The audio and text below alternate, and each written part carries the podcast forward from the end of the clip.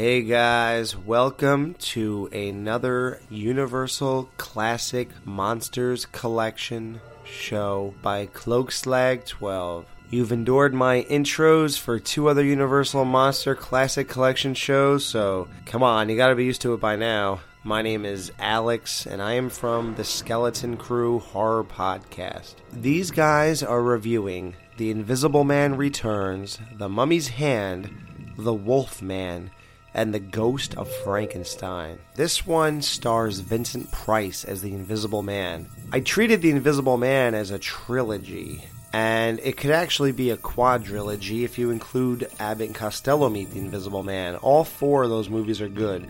You can skip The Invisible Agent and The Invisible Woman, those are just not that great, but all the rest are really good, so I'm looking forward to hear what these guys have to say about The Invisible Man Returns. The Mummy's Hand I gotta admit, I don't know too much about. I was more into the original and the Lon Chaney Jr. sequels, in which he was the mummy for the next three movies. In this movie, Tom Tyler is the mummy. It's pretty strange because they added a post effect to that movie. They wanted him to have blacked out eyes. So what they did was they literally took a pencil and colored over his eyes in every frame of film.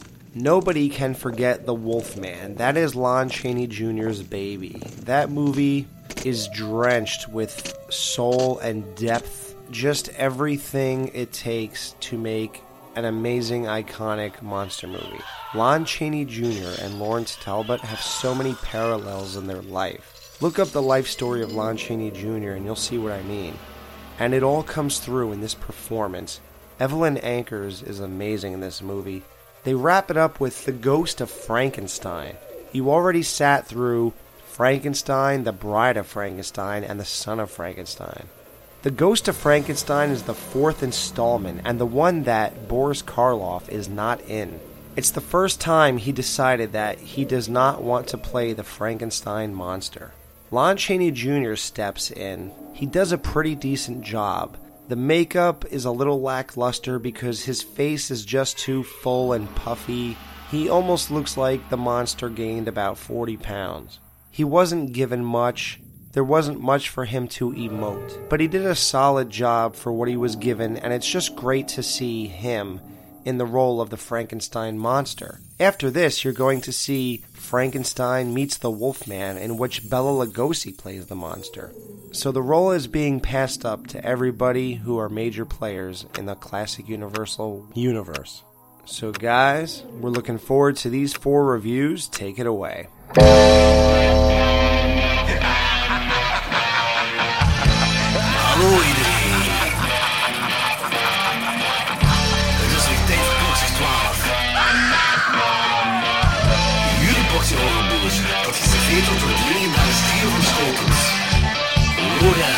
Wat? Ik kan me zelfs niet een beetje herinneren. Danny Ja, fuck die, fuck die mensen. en Jordi. Haha, yes! Bier drinken! Woo!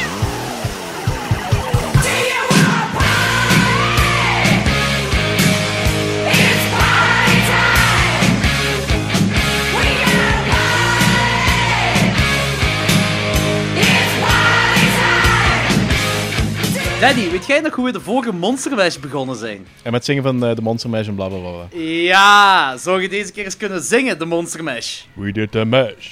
We did the monster mash. En ik ken de tekst niet. Maar ik, ken, ik, ken, ik, ken het, ik ken het nummer ondertussen wel. Dus Ah, dat oké, dat, dat is al een stap vooruit. Dan kunnen we bij de volgende Monster Mash, kent je misschien meer tekst. Oké, onze derde Monster Mash. En we hebben een terugkerende guest voor de derde Monster Mash. Een persoon dat compleet onbekend was in het Universal Monster genre, maar uiteindelijk wel een beetje mee is geraakt. En jullie kennen die allemaal. Het is namelijk de ster van zaal 4. Thomas, te gek dat je terug wilt komen. Hey Jordi, ik vind het wel leuk dat ik altijd als de ster van zaal 4 hier wordt aangekondigd, terwijl die podcast al tien maanden niet meer bestaat. Of zo. detail, detail, detail. Waar moeten de internetluisteraars u anders van kennen? Ik ben de, de trouwe luisteraar van Klokslag 12. Dat is wel waar. Je zit wel de trouwe luisteraar van Klokster 12. Dat is inderdaad waar. Eh, Thomas, heb jij nog recent wat horrorfilms gezien buiten degene dat we moesten kijken voor vandaag? Eh, ik had die vraag een beetje verwacht, trekhaakronde. Eh ik, ik, ik zie veel films. Eh, maar we spreken nu over horrorfilms. En ik heb er met u over gechat de laatste maanden. Ik heb eh, mijn franchise Gata proberen op opvolgen. Ja, dat is waar. Want ik besefte, ik heb, eh, Halloween was altijd mijn favoriete franchise. Maar ik besefte van, van Friday heb ik niet alles gezien. En toen dat jullie nou over de Texas Chainsaw Massacre begonnen, dacht ik van ja, die heb ik ook gemist. Dus ik heb dan alle Fridays gezien, Ja. alle Halloweens gezien en alle Texasen gezien. Holy shit! Jesus. Ja, ze beginnen wel wat door elkaar te lopen in mijn gedachten, maar Je hebt hard gegaan. Oké, vertel eens. De Texas Chainsaw Massacre franchise. In het algemeen, wat vond je ervan? ja, heerlijk. Heerlijk! Holy shit, cool. Wauw, oké. Hadden niet verwacht. Dat vind ik de meest horror eh, franchise van die allemaal. Gewoon die, die vibe is, is inderdaad super cool. Zeker bij die, die eerste twee. Eh, de derde was minder, maar wel nog leuk. De vierde heb ik dan op jullie advies overgeslagen. Ah, Oh ja, oké, dat snap ik wel, dat snap ik wel. Dat vind ik inderdaad wel leuk. en dan de remake vind ik op zich ook wel leuk. En dan de beginning eh, moet ik wel bij Danny aansluiten. Heel goed. Misschien niet zo goed als Danny hem vindt, ja. maar wel heel goed. Ja. En 3D heb ik niet gezien, moet ik Oké, eerlijk oké, zeggen. oké. Je bent- Bij de andere twee mis je ook niet veel, hè. En eh, vertel eens, want je hebt het tegen mij al verteld in de chat, maar eh, de Friday the 13th franchise, het algemeen, wat vond je ervan? Ik vind het ergens wel een beetje het light broertje van de Halloween franchise. Ik, moet, eh, Ja. moet, ik tegen u ook gezegd. Eh, in het begin is Jason een beetje wat ja, een snulliger karakter dan, dan Michael Myers. En na een tijdje verandert hij eigenlijk gewoon in de, de B-versie van Michael Myers. Ja. hij wordt altijd maar sterker en stoerder en hij lijkt er altijd maar harder op, maar toch blijft het niet hetzelfde dan. Hè. Hoe hard heb je gelachen in Friday 13th part 8, wanneer hem daar op die boot zit, maar wanneer hij dan effectief in New York zit en gewoon iemand zijn hoofd eraf slaat? Maar dat, was- die was zo slecht in Manhattan. film. Maar ik moet wel toegeven, want eh, jullie het hebben gehad, ik vind Jason X wel een van de leukere van die hele dingen. Die is goed, Allee, hè? Die is leuk, hè? Ja, De zeker. eerste vind ik tofst. En dan, eh, ik denk Jason Lives vond ik ook tof. De vijfde? Ja. Of de Ah, zesde? Vijfde, denk ik. de zesde. Vijfde is, eh, de, eh, wacht, de vierde is de final chapter en eh, de vijfde... Dat je zo in het begin in die zerk ligt en dat die bliksem inslaat. ja, ja, dat is de zesde. De, de, vijfde, zesde, ja. de vijfde is met Roy. Juist, ja.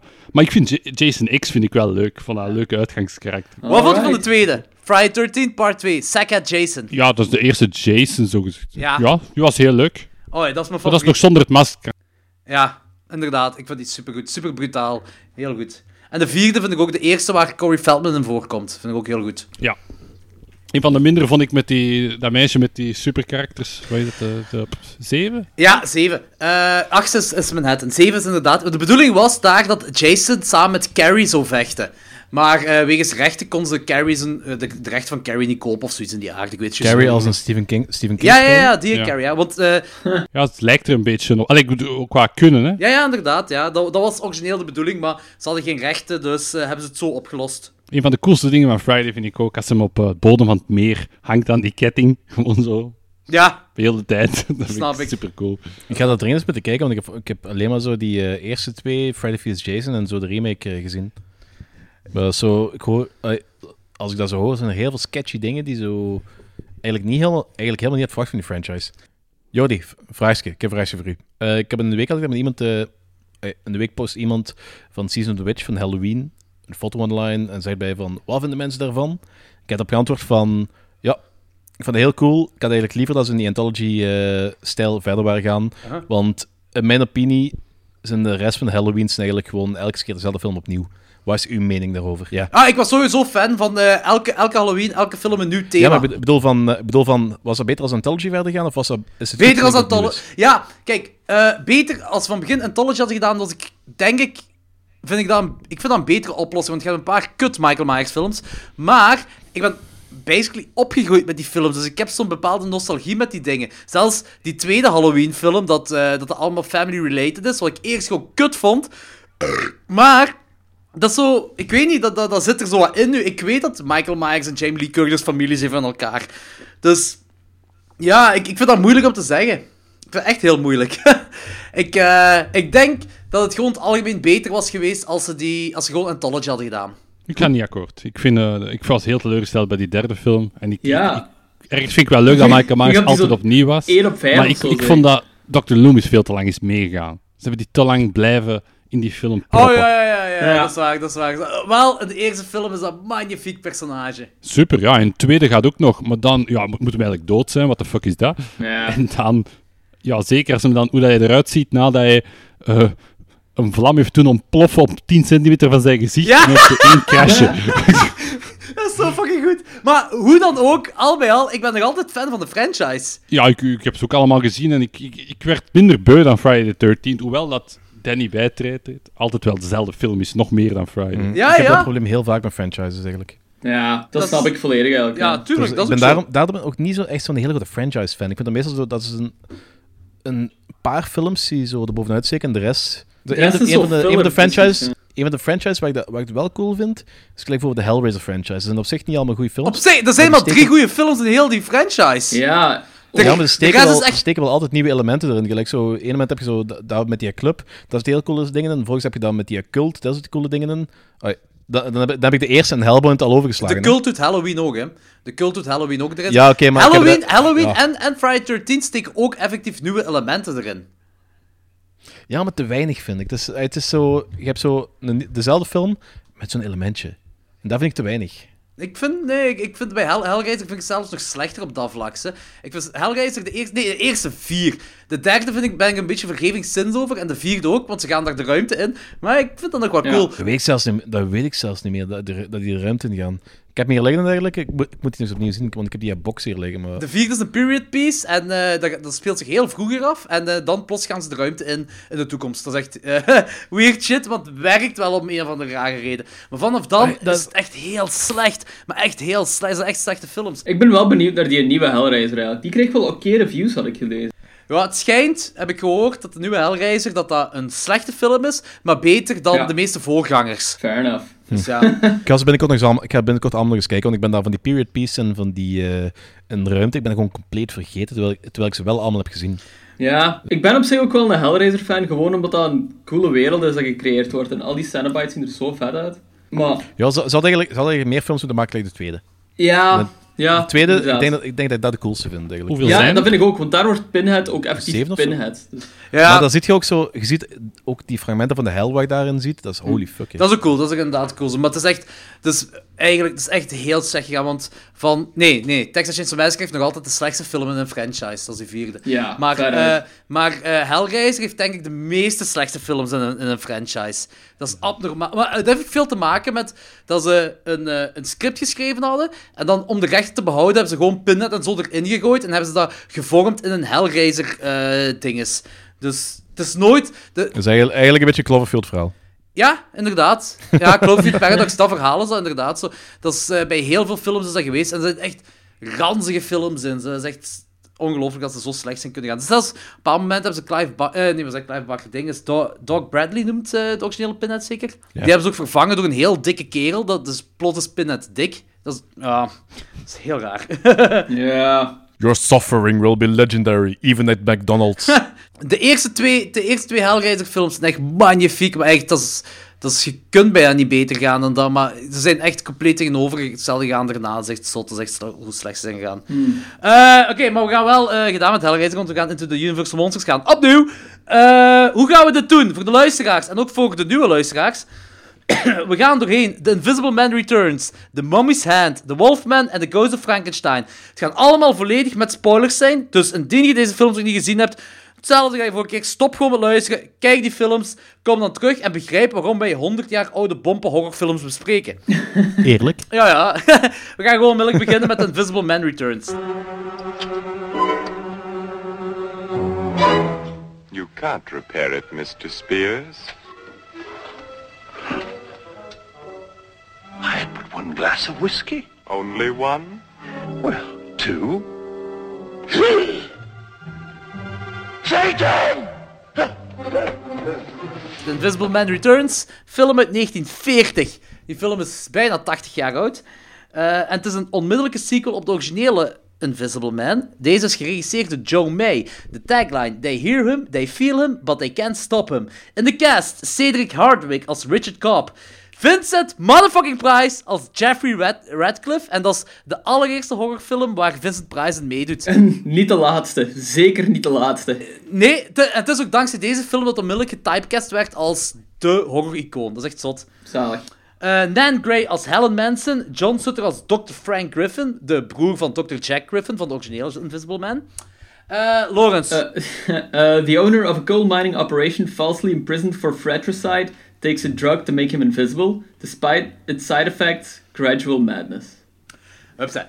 Dit is dus een rechtstreekse sequel op The Invisible Man. Helemaal aan het begin vind ik al zo dat eh, die tuinwerker of eh, de bediende of whatever dat is van die verloofde, dat zo wordt onmiddellijk de getypecaste dommerik. En dat is super grappig. Dat is echt zo, eh, dat is zo zoals die dude in The Wolfman, dat dat niet doorheeft dat op die wandelstok daar een wolf staat. En dat is ja, samen met die flik dan, want net gelijk in de eerste Invisible Man is dat ook de flik dat zo comic relief is. Dat, die zegt dat ook zo, what's going on in here? En hier zegt die flik datzelfde. Ja, zo, comic relief, zo de domme kloot. Ja, Ja, ja, ja. dat, is- dat is En dat meestal... is ook zo bij- gewoon zo een reden dat... Ja, sorry, zeg maar.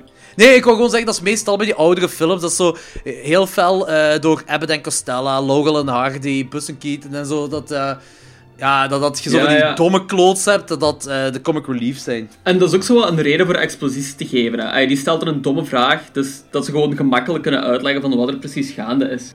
Ja, ja, inderdaad, inderdaad. Eh, jullie alle drie hebben ook de originele Invisible Man gezien, hè? Ah ja, eh Lawrence en, en, en eh, Danny sowieso, maar Thomas heeft er nou ook Yep. gekeken, hè? Ja, dat was de vorige keer. Ja, ja, wij hebben die niet besproken met u. Je hebt die gewoon nog eens gekeken, zeggen. Dat jullie toen zeiden dat hij zo geweldig goed was, heb ik die achteraf nog eens gezien. En Ja. jij vond hem ook zo geweldig goed, klopt? Ja, ja, ja, ja, ik was van. Wat vind je, in vergelijking, wat vind je de- van deze film in vergelijking met de eerste? Hoge verwachtingen. Mm, niet helemaal ingelost, maar wel grotendeels. Eh, het verhaal is ja, een flauwer afkooksel van de eerste, maar het heeft wel een, een andere invulling. Het is geen kopie van de eerste. Dat Ja. vind ik er wel leuk aan, dat ze er iets nieuws hebben ingestoken. Het is nog iets meer slapstick. Ja, klopt. Zoals je ernaar zei, de comic relief is nog, nog wat meer.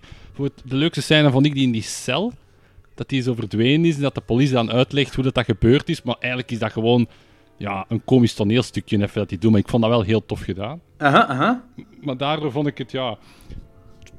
Dat niet de, de, de horror vibe van de eerste. Of toch, Nee. toch minder, vond ik. Nee, eh, Dr. Jack Griffin in de eerste, die wordt echt compleet mental. En hier, Ja. hier hinten ze er wel na. Gelijk op het begin heb je wel dat... Dat begint zo met die insanity als eh, Vincent Price als Invisible Man naar zijn verloofde gaat. Eh, en dan is er een hond dus daar aan het blaffen. En hij vliegt daar zo onmiddellijk op uit, op die hond. En die verloofde verschrikt zich. En dan zegt hij ook zo van, ja, sorry, eh, bla bla bla allemaal. Maar dat is volgens mij wel een teken dat het serum al, hem al begint insane te maken. Maar ze gaan er nooit verder op in, vind ik. Nee. Dus ja, dat vind ik eh, zelf ook een beetje jammer.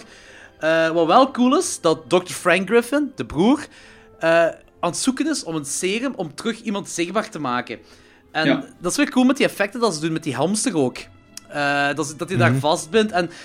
Hij, hij is daar iets aan het vastbinden en dat beweegt allemaal. Die riempjes en zo bewegen allemaal, maar je ziet niks. En dat is Ja, wel cool. Dat is, dat, is, kei- dat is kei schattig eigenlijk. Ja, ik vind het ook heel cool gedaan. Zo. Dan zit je eerst die skelet. Ook wel een beetje raar dat hier zit je zijn skelet en dan plots is er een hamster. En eh, wanneer Vincent Price terug zichtbaar wordt, zit je alles fase per fase gaan. Oh, maar dat vind, dat vind ik een hele coole scène. De, de laatste. Dat is, oh, eh, van, eh, van die bloedvaatjes en dergelijke. Ja, dus ik had dat niet verwacht de eerste keer dat ik deze film zag. Dat ze dat effectief zouden Ja, ik doen. ook niet, dus ik vond dat wel heel cool. Ja. Ja, soms hebben ze echt zo van die zotte cameratechnieken ook gewoon. Eh, op een zeker punt ziet je toch zo'n waanzinnig stuk en dan shake die camera zo heel bizar. Ja. Ik kan hem weer te goed pinpointen, maar ik vond dat ook gewoon weer heel indrukwekkend voor een film van 1940. Maar dat heb ik vaak bij al die Universal Monsters, dat die gewoon technisch in de tijd zo fel vooruit zijn. Ja, dat klopt al. Maar langs de andere kant zijn er ook wel een paar van die dingen dat je zo is, ja, just go with it. Bijvoorbeeld gelijk die vingerafdruk, dat hem dan bekijkt met een vergrootglas. En die vingerafdrukken zien er compleet verschillend uit. En dan heb die flik zegt, yup, they match. dat denk ik ook wel. Close Ja. enough. Maar dat, hangt, op- dat, dat kan in principe wel, want je kunt zo van die eh, twee vingerafdrukken die heel anders zijn. Als bepaalde puntjes eh, overeenkomen, zijn- matchen die, hè. Oké, maar... Ah, echt? Ja, dat is, dat is, dat is niet omdat... Als je, een lamp, als je een lamp vastpakt en je pakt een, of je pakt de gitaar vast en ze kunnen daar zo vingerafdrukken van afhalen, dat zijn twee printen. Die prints die ze eraf halen, die zien er compleet anders uit, maar dat is omwille van die, ehm, die, ring, die, vormke, die groefjes waar je op op- in je huid hebt. Ah, oké. Als je daar zo van die bepaalde puntjes die overeenkomen, dan kunnen ze dat matchen dat dat dezelfde vingerafdrukken zijn. Ah, Oké, fair enough. Ik vond dat gewoon een beetje raar, maar oké, als het zo is, ja. Eh, wat ik ook wel raar vond, is eh, wanneer Vincent Price als Invisible Man op die rijdende auto van Mr. Spears die kapot open doet. Ik weet niet hoe hij dan op die auto zit. eh, wanneer die die motor daar kapot aan het maken is. Die, die auto is aan het rijden hè, en die kapot gaat open. Waar ze mee zo willen zeggen dat Invisible Man die kapot aan het, openen, aan het open doen is.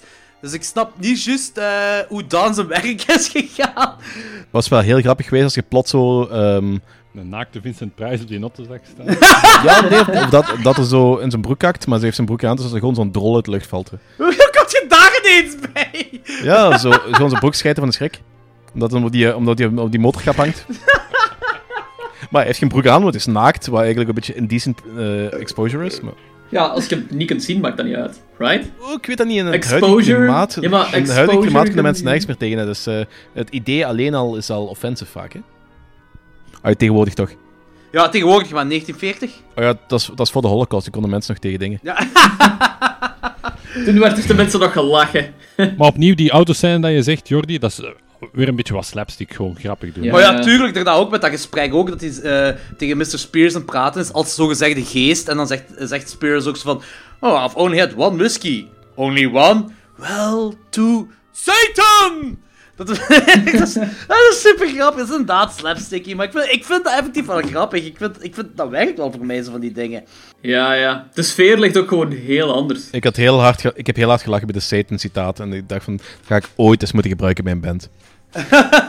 Ik vind die, eh, die scène die, eh, waarbij Vincent Price met zijn verloofde en met eh, de, Dr. Frank Griffin aan tafel zit, wanneer ze daar aan praten zijn van eh, ehm, ja, wat hij als Invisible Man kan doen. En dat vind ik heel belangrijk, dat zo, hij echt zo... Daar komt zijn insanity naar boven. Hij wil de wereld heersen en dit en dat. En op een bepaald moment zegt Dr. Frank ook zo van... Hail, invincible leader, we will follow you. Waardoor die keer op zijn tenen getrapt is en dit en dat. Maar ik vind dat... Dat reflecteert een beetje die scène, wat eigenlijk ook het, ongeveer hetzelfde gebeurt in de originele Invisible Man. Ja, voor de rest, ik weet niet... Veel meer heb ik eigenlijk niet te zeggen over de film.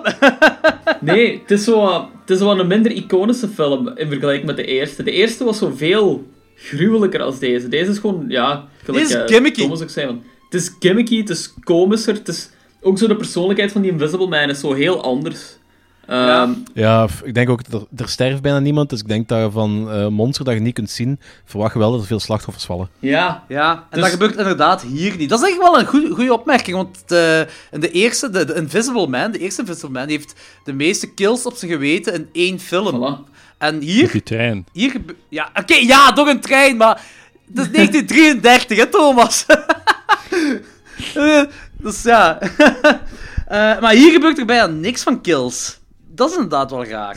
Nee, je hebt die leuke scène met die, dat, dat hij op dat ding omhoog gaat en dan naar beneden valt. Hoe moet ik dat je best omschrijven? In die karkens. Die mijnwerkerkarkens, ja, ja, ja. Ja. ja, ja, En dat is wel leuk, dat die voetstapjes zo weer gaan, als ze daar allemaal weer achter zitten te lopen. Dat is wel tof gedaan. Ja, ja Winston, Maar- die, die, die detectieve dat hem neerschiet, of dat die, al- eh, dat die dude neerschiet, dat, die lijkt heel veel op Winston Churchill, vind ik.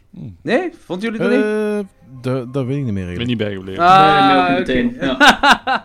nee, oké. Ik had in ieder geval niet dat idee, maar pff, ik... Ja, nee, pep. Nu, kan zijn. Sure, why not? dat kan, dat kan inderdaad nog wel een beetje gruwelijk beschouwd worden, dat die, ehm, eh, wanneer dat karretje die dude verplettert.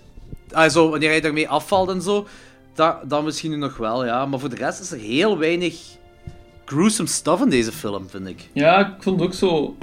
Ja, wat mak en wat minder gedurfd als de eerste. Dus. Het is ook niet echt een Mad Scientist film. Hè. De eerste was een, een, Ja. een, eh, complete Mad Scientist film, maar, want eh, Frank Griffin, dat is- dat is een sane scientist, zal ik wel zeggen. Die kerel die wil altijd voor de logica gaan en voor het juiste gaan. En het is eh, Vincent Price dat dat een, eh, een onschuldige gevangene, dat daar gewoon compleet zot aan het worden is. Ja, dus Mhm. The Invisible Man, dan in de eerste... Ja, in de eerste wordt hij heel, onmens, ay, heel veel onmenselijk en hier wordt hij net wel menselijk. Ja, inderdaad. Ja, het is een heel rare switch van eh toon. Dat ze Toon gewoon, ja. Ja, hij wordt, zo, hij wordt menselijk door zijn strijd om zo niet insane te worden of Ja. zo. En dat is ook meteen zoiets. duidelijk, vind ik zo. Want hij heeft dan meteen zo zijn verloofde en zijn geliefde. En ja, inderdaad, gewoon de toon is heel anders. Ja, ik vind dat op zich, pas op, ik vind dat op zich niet erg. Ah, niet, niet slecht op zich, want eh, ik kan films wel apart van zijn bronmateriaal beschouwen. En ik heb me, kijk, ik heb me gewoon ge- goed geamuseerd met deze film. Ik vind hem, The Invisible Man is een van mijn favoriete films en deze is er zeker niet bij. Maar ik vind deze wel plezant om dat te kijken. Maar dat heeft misschien te maken met... Ik ben ook wel een grote fan van comedy van de jaren 40, van de jaren 50. Laurel Ah, ja. en Hardy en Abbott en Costello, dat, dat zijn ook dingen waar ik naar kijk. En ik denk dat het daar meer mee te maken heeft. Ja, ik Kijk, vind... kader, kader Vincent Price voor mij. Dus deze is, zoals je zegt, hij is de grote man geworden. Deze is de eerste keer dan. Maar hij komt eigenlijk maar wat, twee seconden in beeld. Ja, dat is hetzelfde gelijk Dr. Jeff Griffin in de eerste. Hè. Claude, Claude Rains, die komt ook maar gewoon op laatste in beeld. Gewoon wanneer hem terug zichtbaar wordt. En dat is hier ook. Maar het heeft ook, denk ik, veel met zijn stem te maken. Hij, hij heeft een heel specifieke stem. En hij is, hij is dus, door deze film is hem dan, eh, is Vincent Price dan getypecast als horroracteur. En die is dan, ik denk The House of Usher, dat is een heel bekende van hem, wat erna is uitgekomen. Hij heeft nog ehm The Invisible Man, maar ook gewoon, dat was ook gewoon de stem. In, eh, je hebt zo'n paar films, de Abbott and Costello meets Frankenstein, Abbott and Costello meets eh, Ja. eh, Wolfman. Dat is van die dingen. En ergens op laatste eh, komt ook de Invisible Man voor. Dat is echt in de laatste twee minuten of zo. Maar dat is effectief Vincent Price, de stem. Maar ook zonder dat je Vincent Price ziet. Ja, ja, maar Ja, ik wat vind... dat gezegd. sorry, Jordi. Eh Lawrence, zeg maar. Ja, ik wil gewoon zeggen van dat ik het concept van die Invisible Man eigenlijk meer en meer begin te appreciëren van hoe meer films ik ervan zie. Want ik vind dat, ja, vind dat heel cool gewoon. En ik vind ook dat hij er heel cool uitziet. Ay, dat is zo heel cheesy geworden, dat hij zo wat gemummies... gelijk een mummy eruit ziet, maar ik vind dat er eigenlijk wel heel vet uitziet. Nou, dat vind je ook niet dat zelfs helemaal, ja, ik zal maar gemummificeerd zeggen, maar helemaal Ja. in verband gewikkeld. Als je zijn gezicht ziet, helemaal verband gewikkeld, dat je dat gewoon onmiddellijk kunt zien dat dat Vincent Price is. Eh, nee, Dat, had ik ook niet. Ah, dat had, ik had dat heel fel zelfs. Zijn snor komt er zo zelfs met zijn neus. ah, de, de, je ziet heel fel de, de kenmerken van zijn gezicht in dat verband, vind ik. Ja, dat, zie ik, dat zie ik persoonlijk helemaal niet. Ja, ik oké, maar misschien, misschien... Ik heb ook heel veel Vincent Price films gezien, misschien daarom. Ja, oké. Mij, mij deed eigenlijk denken aan zo'n propere versie van Darkman. Ja, ja. Ah, dat snap ik ook. Ja, Ja. ja, inderdaad. Oké, dus we hebben die bloedtransfusie op laatste. En eh Vincent Price wordt dan Vincent Price. Oh ja, de, eh, die dude die wordt zichtbaar. One becomes himself. Dat deed me denken aan Hollow Man. Ja, In ja, Hollow ja. Man is het toch ook zo dat die... eh, dat, dan zie je ook echt die bloedvaatjes en het weefsel en dit en dat. En dat is effectief iets wat ik niet had verwacht in deze film. Eh, wel heel cool gedaan. Ook een heel groot verschil qua einde met de eerste film. De eerste film, Dr. Jack Griffin, pff, weg, dood. En hier, ja, leeft hem nog altijd. Maar dat, dat is, bij de eerste werd eh, Jack Griffin die werd, eh, zichtbaar toen dat hij stierf. Hè? Ja, inderdaad. Het was heel grappig geweest als hij gewoon zo onzichtbaar was gebleven. Want er is eigenlijk geen enkele reden om dat hij plots zichtbaar zou moeten worden. Buiten zo misschien cell decay, wat zo bepaalde dingen zou eh, uitzetten. Maar het zou heel grappig zijn als hij zo onzichtbaar was gebleven. En gewoon begon te rotten en te stinken. En ze vonden die niet. Dat zou inderdaad wel grappig zijn geweest. dat zou een goede practical joke zijn als je zelf mocht plegen en de onzichtbare man bent. Oh, als ik ooit een onzichtbare man ben en ik ga zelf nog plegen, dan doe ik dat bij iemand. Bij mensen die ik niet graag heb. Of ergens in zo'n... Een, ehm, in zo'n crawl space waar dat toch niemand moet komen. En die, kijk, en die kijken erin, ja, dat ligt niks. Stinkt wel, maar dat ligt niks. Ja. Eh, we gaan overgaan naar ratings. Lorenz, vertel eens. Ehm, ik weet niet meer hoeveel ik de eerste gaf. Ik denk dat ik die een 9 of zo gaf. Ja? Ehm, want die vond ik wel beduidend beter. Ik vond deze ook cool, maar ja, het, het feit dat The Invisible Man zo cool is, draagt de film wel een beetje. Ehm, hij is wel entertainend genoeg en ja, met momenten ziet het er wel fantastisch uit nog altijd. Ehm, ik ga hem een 7 geven. Oké. eh, Thomas. Ik sluit mij aan bij Lawrence. Zeg eigenlijk exact wat ik denk. Ja, oké, perfect. Eh, Danny. Idem. Ik, ja, ik had ook zeven in mijn hoofd. Zelfde reden. Ik vond het een leuke film. Ik heb me ermee geamuseerd. Ik vond het een leuke film. Ik vond eh, Invisible Man, de originele. Ja, dat is... Natuurlijk is dat een betere film. Dat is ongelooflijk gruwelijk en daarom is die, ja, springt hij er wat meer bovenuit. Deze is zo wat Maar ik, vind, tussendoor. ik, vind, ik vond, dit, ook- vond dit ook geen slechte film eigenlijk. Nee, zeker Ja, niet dus- slecht. Zeker niet slecht. Dus, Ja, oké. ja. Eh, ik, ik sluit me ook aan, maar ik ga toch een 8 geven, want eh, ik ben misschien wel biased, maar ik ben een super grote Vincent Price fan. En, eh, en, Ja. en ook gewoon een Invisible Man op zich. Dus eh, ehm, ik vind het ook een heel entertainende film. Tuurlijk is die niet zo goed als Invisible Man. Invisible Man is quasi perfect, de eerste. Dus eigenlijk best wel een aanrader. Verwacht gewoon niet de, de, de jaren 30, 40 gruwelijkheden wat je in The Invisible Man ziet. In de originele dan. Ehm, Oké, cool. The Invisible Man. Dan gaan we door naar The Mummy's Hand. Good evening from London. I'm Christopher Lee, and I'm pleased to be your host as the Sci Fi Channel continues this special showing of classic monster movies. This week is devoted to that bundle of menace, The Mummy. Like the original Mummy, produced eight years before, This 1940 film was slickly produced on a tight budget. You may notice some stock footage that appeared in The Mummy. And if you're a true horror fan, you'll recognize the same musical score created for Son of Frankenstein. Tom Tyler, a popular cowboy star, plays the mummy Karis. If you long for Boris Karloff's performance, watch closely. You can see him in the wide shots of the temple scene, intercut with Tyler's close-ups. Now, prepare to enjoy that and other sleights of hand. The mummy's hand. 1940, geregisseerd door Christy Cabin. Tagline: The Tomb of Thousand Terrors. Oké, cast: Dick Foran als Steve Banning, Peggy Moran als Martha Solvani, Wallace Ford als Babe Jensen eh, en Tom Tyler als de mummy. An ancient mummy is revived to destroy the invaders of the 3,000 year old tomb of an Egyptian princess. Oké, eh, deze film heeft niks te maken met de originele film. Nee. Eh, dus je hebt de originele mummy. En dan zijn ze gewoon, het verhaal hebben ze gewoon opnieuw opgepakt, denk ik. Ik weet niet hoe ik het anders moet beschrijven. En hebben ze deze film gemaakt. Eh, dus het is gewoon een heel andere mummy-film. Ehm, de mummy zelf is ook gewoon iemand ook- het anders. is ook een heel andere mummy. Het is, eh, het is meer een Frankenstein-monster mummy. Dat is, ik denk, vorige keer heb ik het ook aangehaald van zo... Het idee wat ik van een mummy had, was inderdaad gelijk dat in deze film getoond werd, zo dat een monster wat een beetje traag, lomp rondloopt. En je zei ook van, ja, maar wacht, dat komt vanaf de tweede. Ja, dat is deze, hè. Ja. Ja, dat is ook, dat, dat, dit is eh, hoe de mummy in popculture is overgekomen. Ik vind deze wel een betere mummy dan hetgeen wat Bo- Boris Karloff deed in, eh, in de eerste film. Dat eh, Ja, vind, ik, vind ik eigenlijk niet, want ik vind net gelijk in de originele Frankenstein, dat dat zo evolueert naar eigenlijk een op zich een heel intelligent, een heel inte- intelligente creature vind ik beter dan zo die domme creatuur. En Maar dit is een echt monster. In de eerste mummy is het geen monster. Maar echt monster. Defineer monster. Zo, zo scary in, in Ja. dat ding. Die... Ik denk wel dat hem scary in zijn tijd is wel, ze. Ik vind iets dat intelligent is, vind ik veel scarier dan een lompe kracht. Ik vind, ik vind de mummy in de eerste film tegenover deze vind ik helemaal niet scary. Er is wel een heel goede jumpscare op begin als hem een mummy, ja, mum- eh, een mummy make-up is. Dat is een heel goede jumpscare op begin. Maar eh, in de eerste film dan. Maar vanaf dat hem een gewone mens is, eh, is het eigenlijk gewoon. eh, bij, eigenlijk is het meer een loesje zakenman, vind ik, in de eerste mummy. Ik vind dat niet. Ik vind... Je hebt, je hebt het vorige keer over Hitchcock gehad en... en allee, eh, horror... Allee, don't show, hè, en tell. En dat vind ik in de eerste veel sterker. Ik vind in de eerste is die, die mummy... Die, die, die straalt zoals... Ja, je krijgt er schrik van om in uw aanwezigheid, omdat je niet weet wat je moet verwachten. En die, die maakt u wel bang. Hier ziet hij er gruwelijk uit, maar eigenlijk... Face it, hij doet niks. Hij loopt super traag op u af. Vind je echt dat hij creepy is? Eenmaal dat hij een mens is, want die, die is heel snel switchen over naar mens, hè? Is hem zo. Ja, maar omdat je weet wie, wie dat is, en, dan heb je zo de tijd het extra gegeven dat zij niet hebben op beeld. Jij zegt, oh fuck, dat is een mummie, die heeft dit van plan. Terwijl mensen daar gewoon rustig mee aan het praten. En jij wilt ze zo bijna, bijna gaan waarschuwen van pas op, pas op. En hier heb je gewoon zo, ja, een heel trage zombie die op mensen afloopt. En eigenlijk, je denkt de hele tijd, je loopt daar toch zo van weg. Ja, dit is wel een heel sterk. Hier is, hier is een sterk monster in, hè?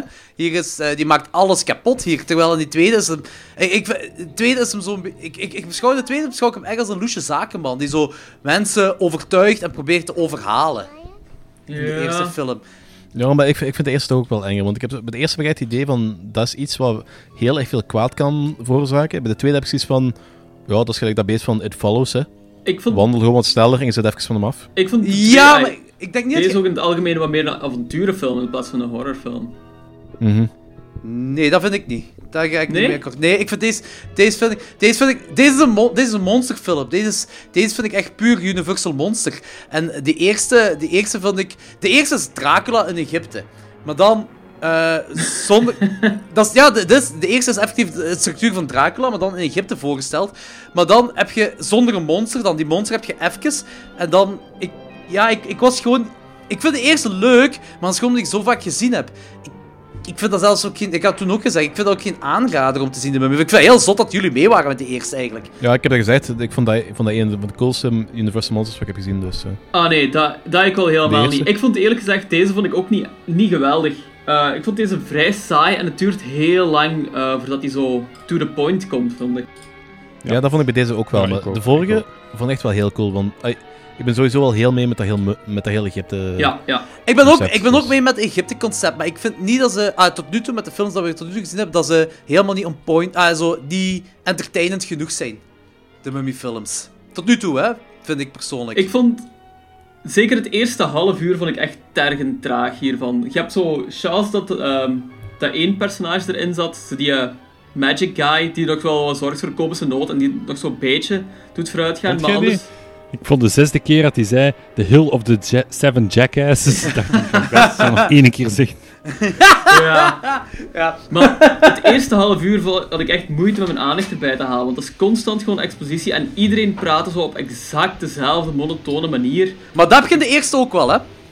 Ja, Ja, maar de eerste, sto- de eerste stoorde mij dat niet. ja daar Dat is, is- is de sfeer ook gewoon wat anders. Hier is direct ook zo weer een iets luchtigere sfeer. En ja, dat strookte zo niet met alle, alles wat er verteld werd, vond ik. Maar dat vind ik dat raar, als, want deze is inderdaad luchtiger, en, maar ze praten inderdaad al wat monotoon, maar die eerste is ook, maar die eerste is, is een vrij, dat is een tragere opbouw, hè, die eerste. Ja, dat is wel trager. Maar ik weet het niet, misschien. Ja. Ik, de eerste vond ik ook niet fantastisch, alleszins. Ehm Ja, dat snap ik. Ja, dus ik weet het niet. De eerste vind ik beter omdat die iconischer is, denk ik. En het gegeven van de mummy interesseert me ook wel. Hij vind ik ook wel boeiend, maar ik kan ook moeilijk pinpointen waarom ik die dan precies beter vond dan dit. Ik vind dat in de eerste zo- dat er meer dreiging is. Ja, ik denk het ook wel. Hier vind ik dat nooit eigenlijk iemand echt bang is. Er is eigenlijk zo nooit echt gevaar. Dat is wel waar, dat is wel waar. Het is Ze weten nooit dat er eigenlijk iets is. en Ja. En die eerste, en die eerste is ook, je ziet onmiddellijk het monster. Dat, en dan verdwijnt het wel, maar het, begint, het begint wel onmiddellijk met een monster. Terwijl eh, in deze film hebben ze meer aangepakt zoals ze eh, de andere monsterfilms aanpakken. Alleen, ja oké, deze film duurt maar een uur. Het is pas na een half uur dat je het monster ziet, dat je de mummy ziet. Eh, maar je hebt wel eerst opbouw. En de mummy, die eerste mummyfilm, heeft dat anders gedaan. Die heeft eerst het monster laten zien. En dan is dat zo gaan... eh, ja, qua monstergehalte dan gaan afzwakken. Terwijl alle andere Universal Monsters laten eerst...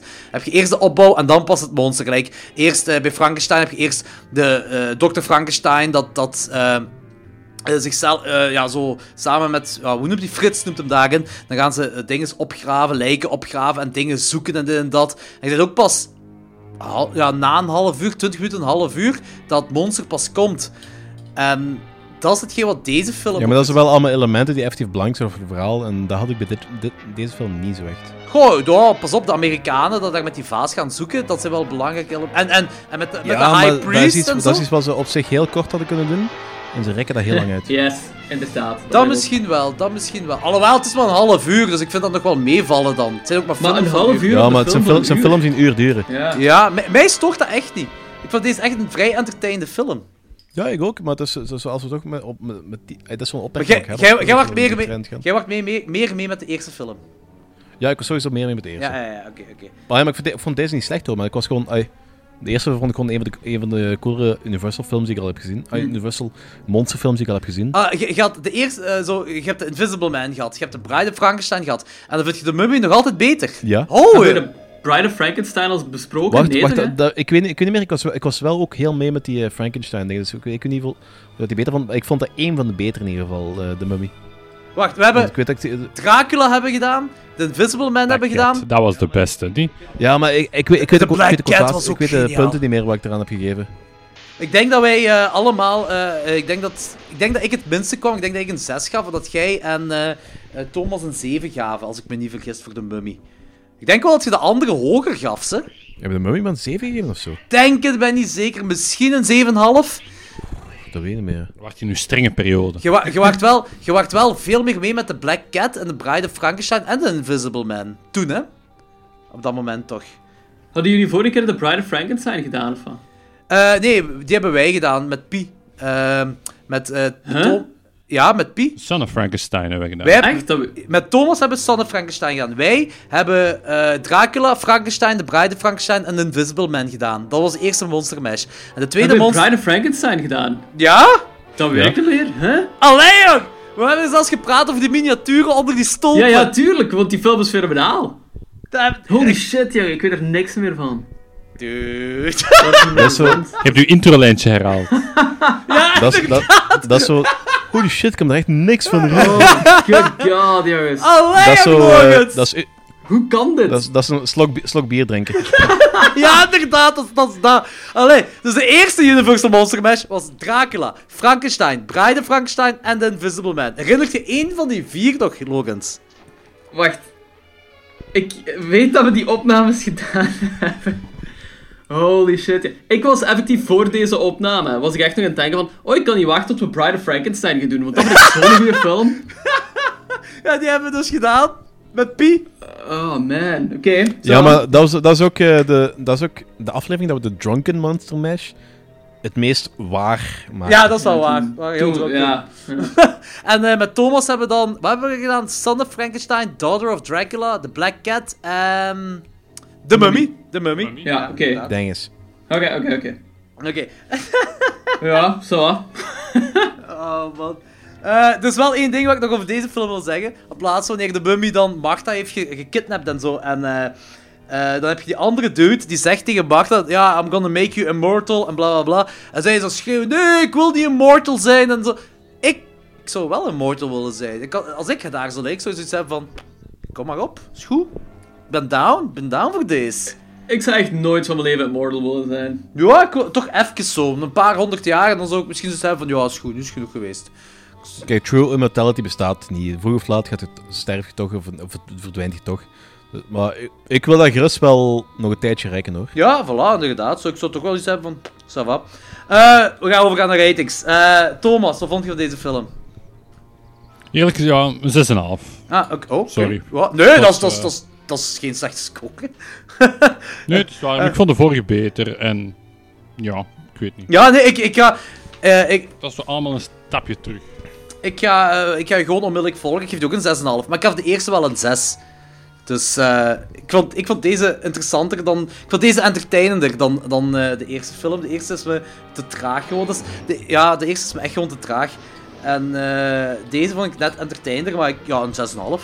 Eh Lorenz? Ehm, ik geef hem ook een 6. Eh, ik vond hem... Ja, ik ben zelfs in twijfel om zo'n 5,5 te geven, want ik vond hem... Ik was echt zo niet mee Oké. eh, met deze. Ja. Dus ja, ik ga voor 5,5. Ik ga voor 5,5. Ik vond hem niet boeiend genoeg eh, om entertained te blijven, laten we het zo zeggen. Oké, dan ben ik benieuwd naar Danny dan. Want hij is denk ik de grootste Mummy-fan van ons allemaal. Ehm, ja, ik ben er nog altijd vrij zeker van dat ik, dat ik de vorige Mummy wel meer dan 7 heb gegeven. Maar ik, ik weet het echt totaal niet meer. Want ik weet dat ik inderdaad echt wel vrij hard mee was met dat verhaal en met de film en dat ik Misschien, misschien had jij hem dan wel een 8 gaf, maar ik denk echt... Er waren geen super hoge scores gegeven toen, dat weet ik wel. Mhm. In ieder geval, ik ga deze wel een 7 geven, want ik vond het nog altijd wel heel cool. Oké. Oké. Oké, oké, ja, zot. ik ben echt zot dat je, eh, dat je zo hard mee zit met de Mummy-films. Ik vind het wel cool dat je zo hard mee zit met de Mummy-films. Maar dat, het heeft volgens mij heel veel te maken met, met Egyptische mythologie. eh, met eh Egypte en dergelijke. Want ik vind, ik vind dat een hele fascinerende mythologie. En dat is zo heel... Ik weet niet, een beetje morbide ook. Ja, dat is wel waar. Ja. Dat is, ja, ja, nee, nee, dat, dat is perfect, dat gezegd. Ja, ja. Ja, bijvoorbeeld zo die, die scène met die slaven, dat die dat gaat begraven, Ja, dat die dan vermoord worden, dat heeft zo direct iets heel mythisch. Maar dat, dat, is, dat is sta- historische waarheid, hè. Dat is, Ja, ja, dat is effectief verschillende keer gebeurd. Ja, dat geloof ik, maar dat, dat draagt zo direct iets bij. Mhm. Ah, oké, dat is goed opgemerkt. Ehm, oké, laten we toe eh, de derde Universal Monster gaan. Eh, die eerste twee die zijn we heel snel doorheen gegaan, maar daar wil ik gewoon weinig over te vertellen. Ik denk de volgende twee valt meer over te vertellen. Ja, ik ga eerst de pinch halen wel. Ah, wel, ik ga het zelf doen. Evil spell. Pentagram. Wolfbane. Oh, I'm sick of the whole thing. I'm gonna get out of here. Whoever is bitten by a werewolf and lives becomes a werewolf himself. Oh, quit handing me that. You're just wasting your time. The wolf bit you, didn't he? Yeah. Yeah, he did. Wear this charm over your heart always. All right, all right. I'll take it. What's it worth to you? you I'll give dare you. to show me the wound? What? Do you dare to show me the wound? Go now. And heaven help you. Oké, The Wolfman uit 1941. Geregisseerd door George Wagner. Ehm, voor de rest heeft geen idee wat hij nog gemaakt heeft. In ieder geval, tagline: Night, monster, prowling, killing, terrifying a countryside with the bloodlust of a savage beast. Dat is de heel grellige tagline voor zo'n heel Zachte film. Ik vind deze fantastisch. Ik vind deze eh, briljant zelfs, deze film, The Wolfman. Ja, inderdaad. De- Die gaat voor mij heel veel punten ge- krijgen Dit trouwens. is, Eh, dit is mijn tweede favoriete Universal Monster film. Dit is... eh, ik vind deze echt... de- deze is... ja, briljantheid. Zwat. Dus de cast alleen al is mega zot. Claude Rains als Sir John Talbot. En Claude Rains is de originele Invisible Man. Bela Lugosi, Dracula himself als... eh, ja... eh, origineel, als... Bella. Ja, inderdaad. Hij wou de leadrol hebben in deze film, maar ja, helaas. een beetje anders uitgedraaid. Hè. Ja, wat meestal bij hem wel gebeurt. Dat is van, ah Bella, wanna play Dracula? No. Ah, you can't get the role then. Ehm Evelyn Ankers als Gwen Concliffe. Concliffe. En dat is, ja, Evelyn Ankers is ook een vrij bekende Universal Monster actrice. Door Ghost of Frankenstein mee, Captive Wild Woman, Jungle Woman, Son of Dracula. Ehm, en dan, de man, de legende, de dikneus. Lon motherfucking Chaney Jr. als Larry Talbot of The Wolfman. Eh, dit is de allereerste film dat wij bespreken met deze acteur. Dus dit is de zoon van de Man of a Thousand Faces, Lon Chaney himself. En eh, hij heeft effectief gewacht met acteren tot zijn pa gestorven is. Omdat zijn pa niet wou dat hij acteerde. Dus dat is een beetje luguber. Serieus? Ja.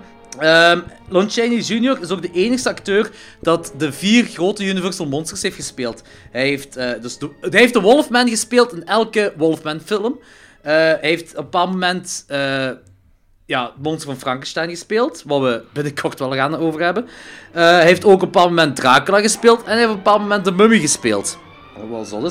Eh, sorry, ik ben even afgeleid, want ik ben op de IMDb-pagina van Lon, Lon Chaney Jr. beland. Ah ja? En ehm, de eerste film waar hij zo known for is, ehm, is High Noon. Dat is En een geniale vertaling-. De vertaling daarvan op IMDb is Eh, Klokslag 12. Klokslag 12. echt? Ja. Oh, zalig. dus die vertaling staat effectief gewoon Klokslag 12 ehm, op IMDb. Ik ben in de week, ik ben in de week nog zoiets klokslag 12 is tegengekomen. Ik, had hem moeten opschrijven, ik, ik weet niet meer. Klokslag 11. Er is ook zo'n Facebookpagina dat Klokslag 11 noemt. Nee, dat was het. Ah, oké. Maar trouwens, High Noon, eh, als je into westerns bent, checken, dat is een geniale western. Dat is echt heel cool. Eh, Ah, ik weet het weer, ik weet het Ah, weer, ja. ik weet het weer. Dat is een hele mooie sample waar jij het gaat kunnen gebruiken voor ehm, eh, een intro of even allemaal. Ehm, een Age of Par- Parnassus van eh Turbo Negro. Clock strikes 12. Ah, zalig. ah, echt? Ah, nee, ja. Clock strikes 12. Age of Pamparius, dus. Ah, Ja, ja. Age of Parnassus, Age of Parnassus, what the hell. Age of Pamparius. Schijfje. Ja, Ja, amai. Nogal. Ja, synopsis. Uh, a practical man returns to his homeland and is attacked by a creature of folklore and infected with a horrific disease. Um, his disciplined mind tells him he cannot possibly exist.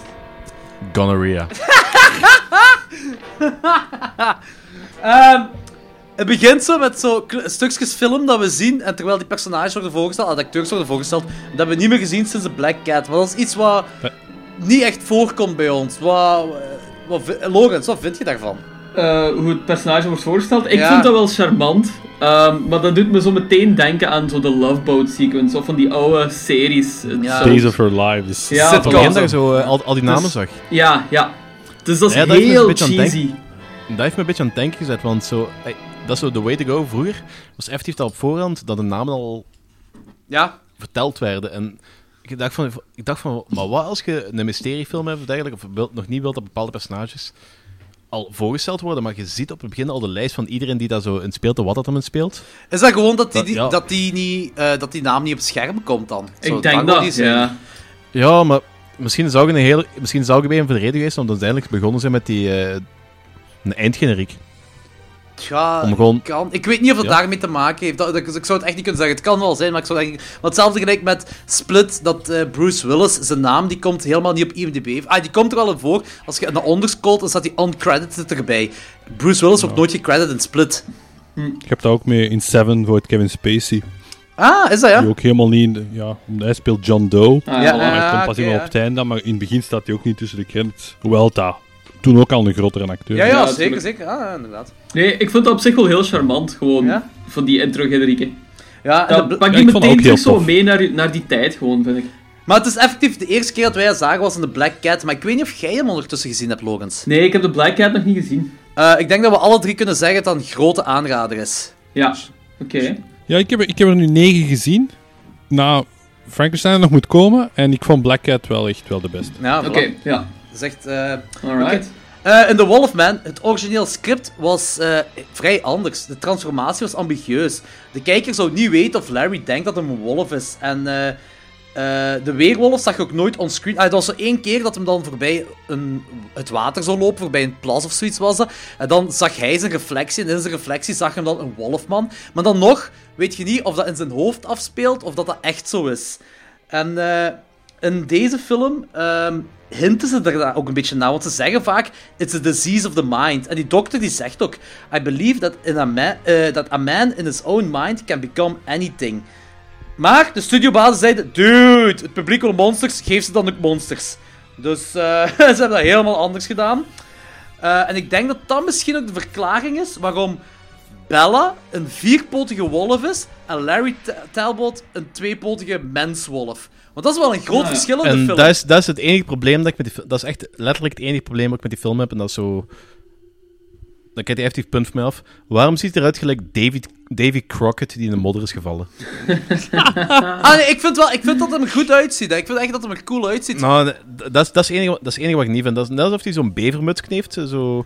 Een frontier. ja, Davy Crockett. Van, dat is zo... Dat moet je eer- eerlijk. Ik vind dat hij cool uitziet. Ik vind echt dat hij gaaf uitziet. Ik vind Jack Pierce vind ik ook gewoon een magnifieke make-up artiest die dat heeft gedaan. Echt, ik vind echt, maar ik vind gewoon, ik, ik vind het raar dat Bella een, een vierpotige wolf is, een echte wolf zo gezegd, en, en hij is een wolfman. Dat is hetgeen wat zo een beetje wringt, want ze laten ook niet weten van waar Bella vandaan komt, wie, wie eh, of welke weerwolf Bella heeft, eh, een weerwolf heeft gemaakt of zo. Dus dat is, en ik denk dat het te maken heeft gewoon met dat dat nog uit die andere script komt en dat hij denkt dat hem een wolf kapot heeft gemaakt, wat eigenlijk gewoon een... eh, of dat hij denkt dat een weerwolf kapot heeft gemaakt, maar eigenlijk gewoon een gewone wolf heeft kapot gemaakt of een hond heeft kapot gemaakt of zo.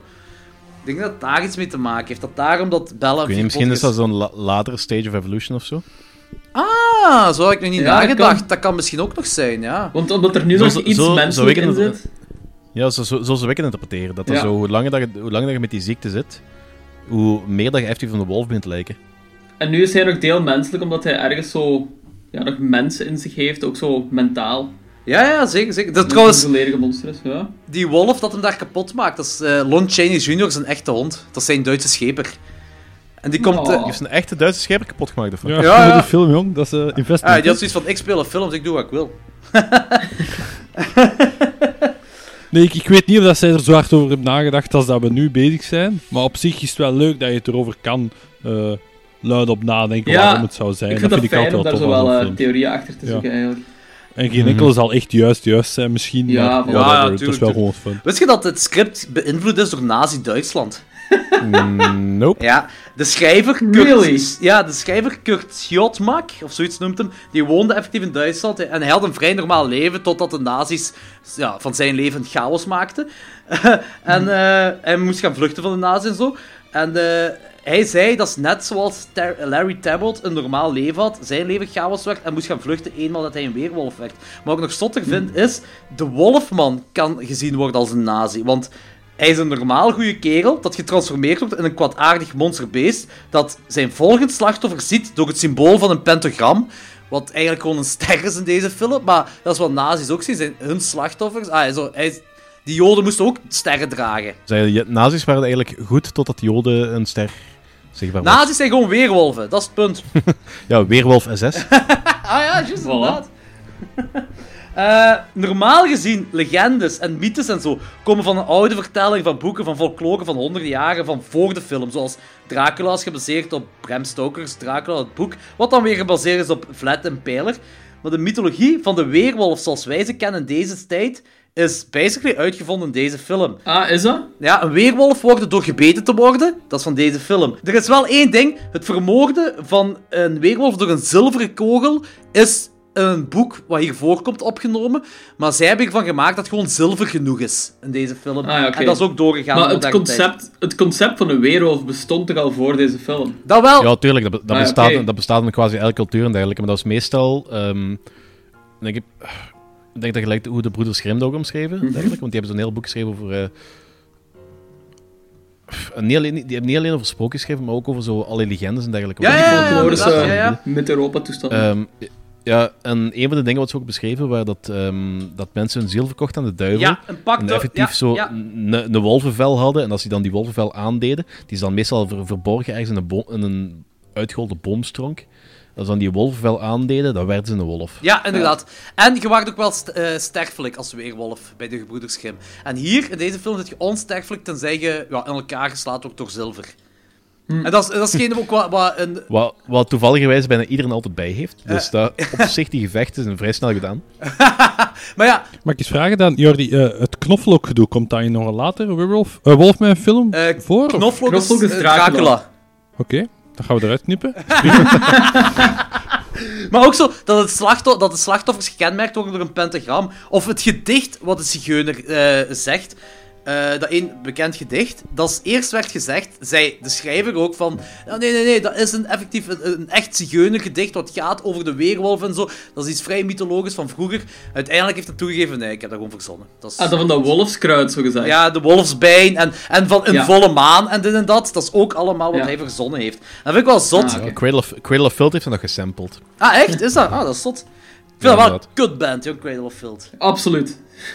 Ja, dat is, dat, is zo, dat is zo mijn eerste stapje in de black metal geweest eigenlijk. Dat is zo, het is zo van... Daar is dat heel snel naar underground eh Franse suicidal black, black metal shit gegaan. Dus Ah, het is een mooie, mooie instap. Vond je ook niet dat Bella een beetje leek op een een of andere crustpunker als de ster op zijn voorhoofd, eh, zo op zijn zijhoofd aanwezig komt? Ik was Ja, echt zo denken, ja, ah, dat dat zijn die, ik. die crustpunkers waar ik vroeger tegenkwam toen ik 14 jaar was. Wat vonden jullie van de, de allereerste scène? De, allee, de tweede scène, basically. Als hem eigenlijk helemaal in de hashtag MeToo-scene dat meisje spioneren. En dan Oh een ja, beetje binnenvalt om te ik gaan zeggen...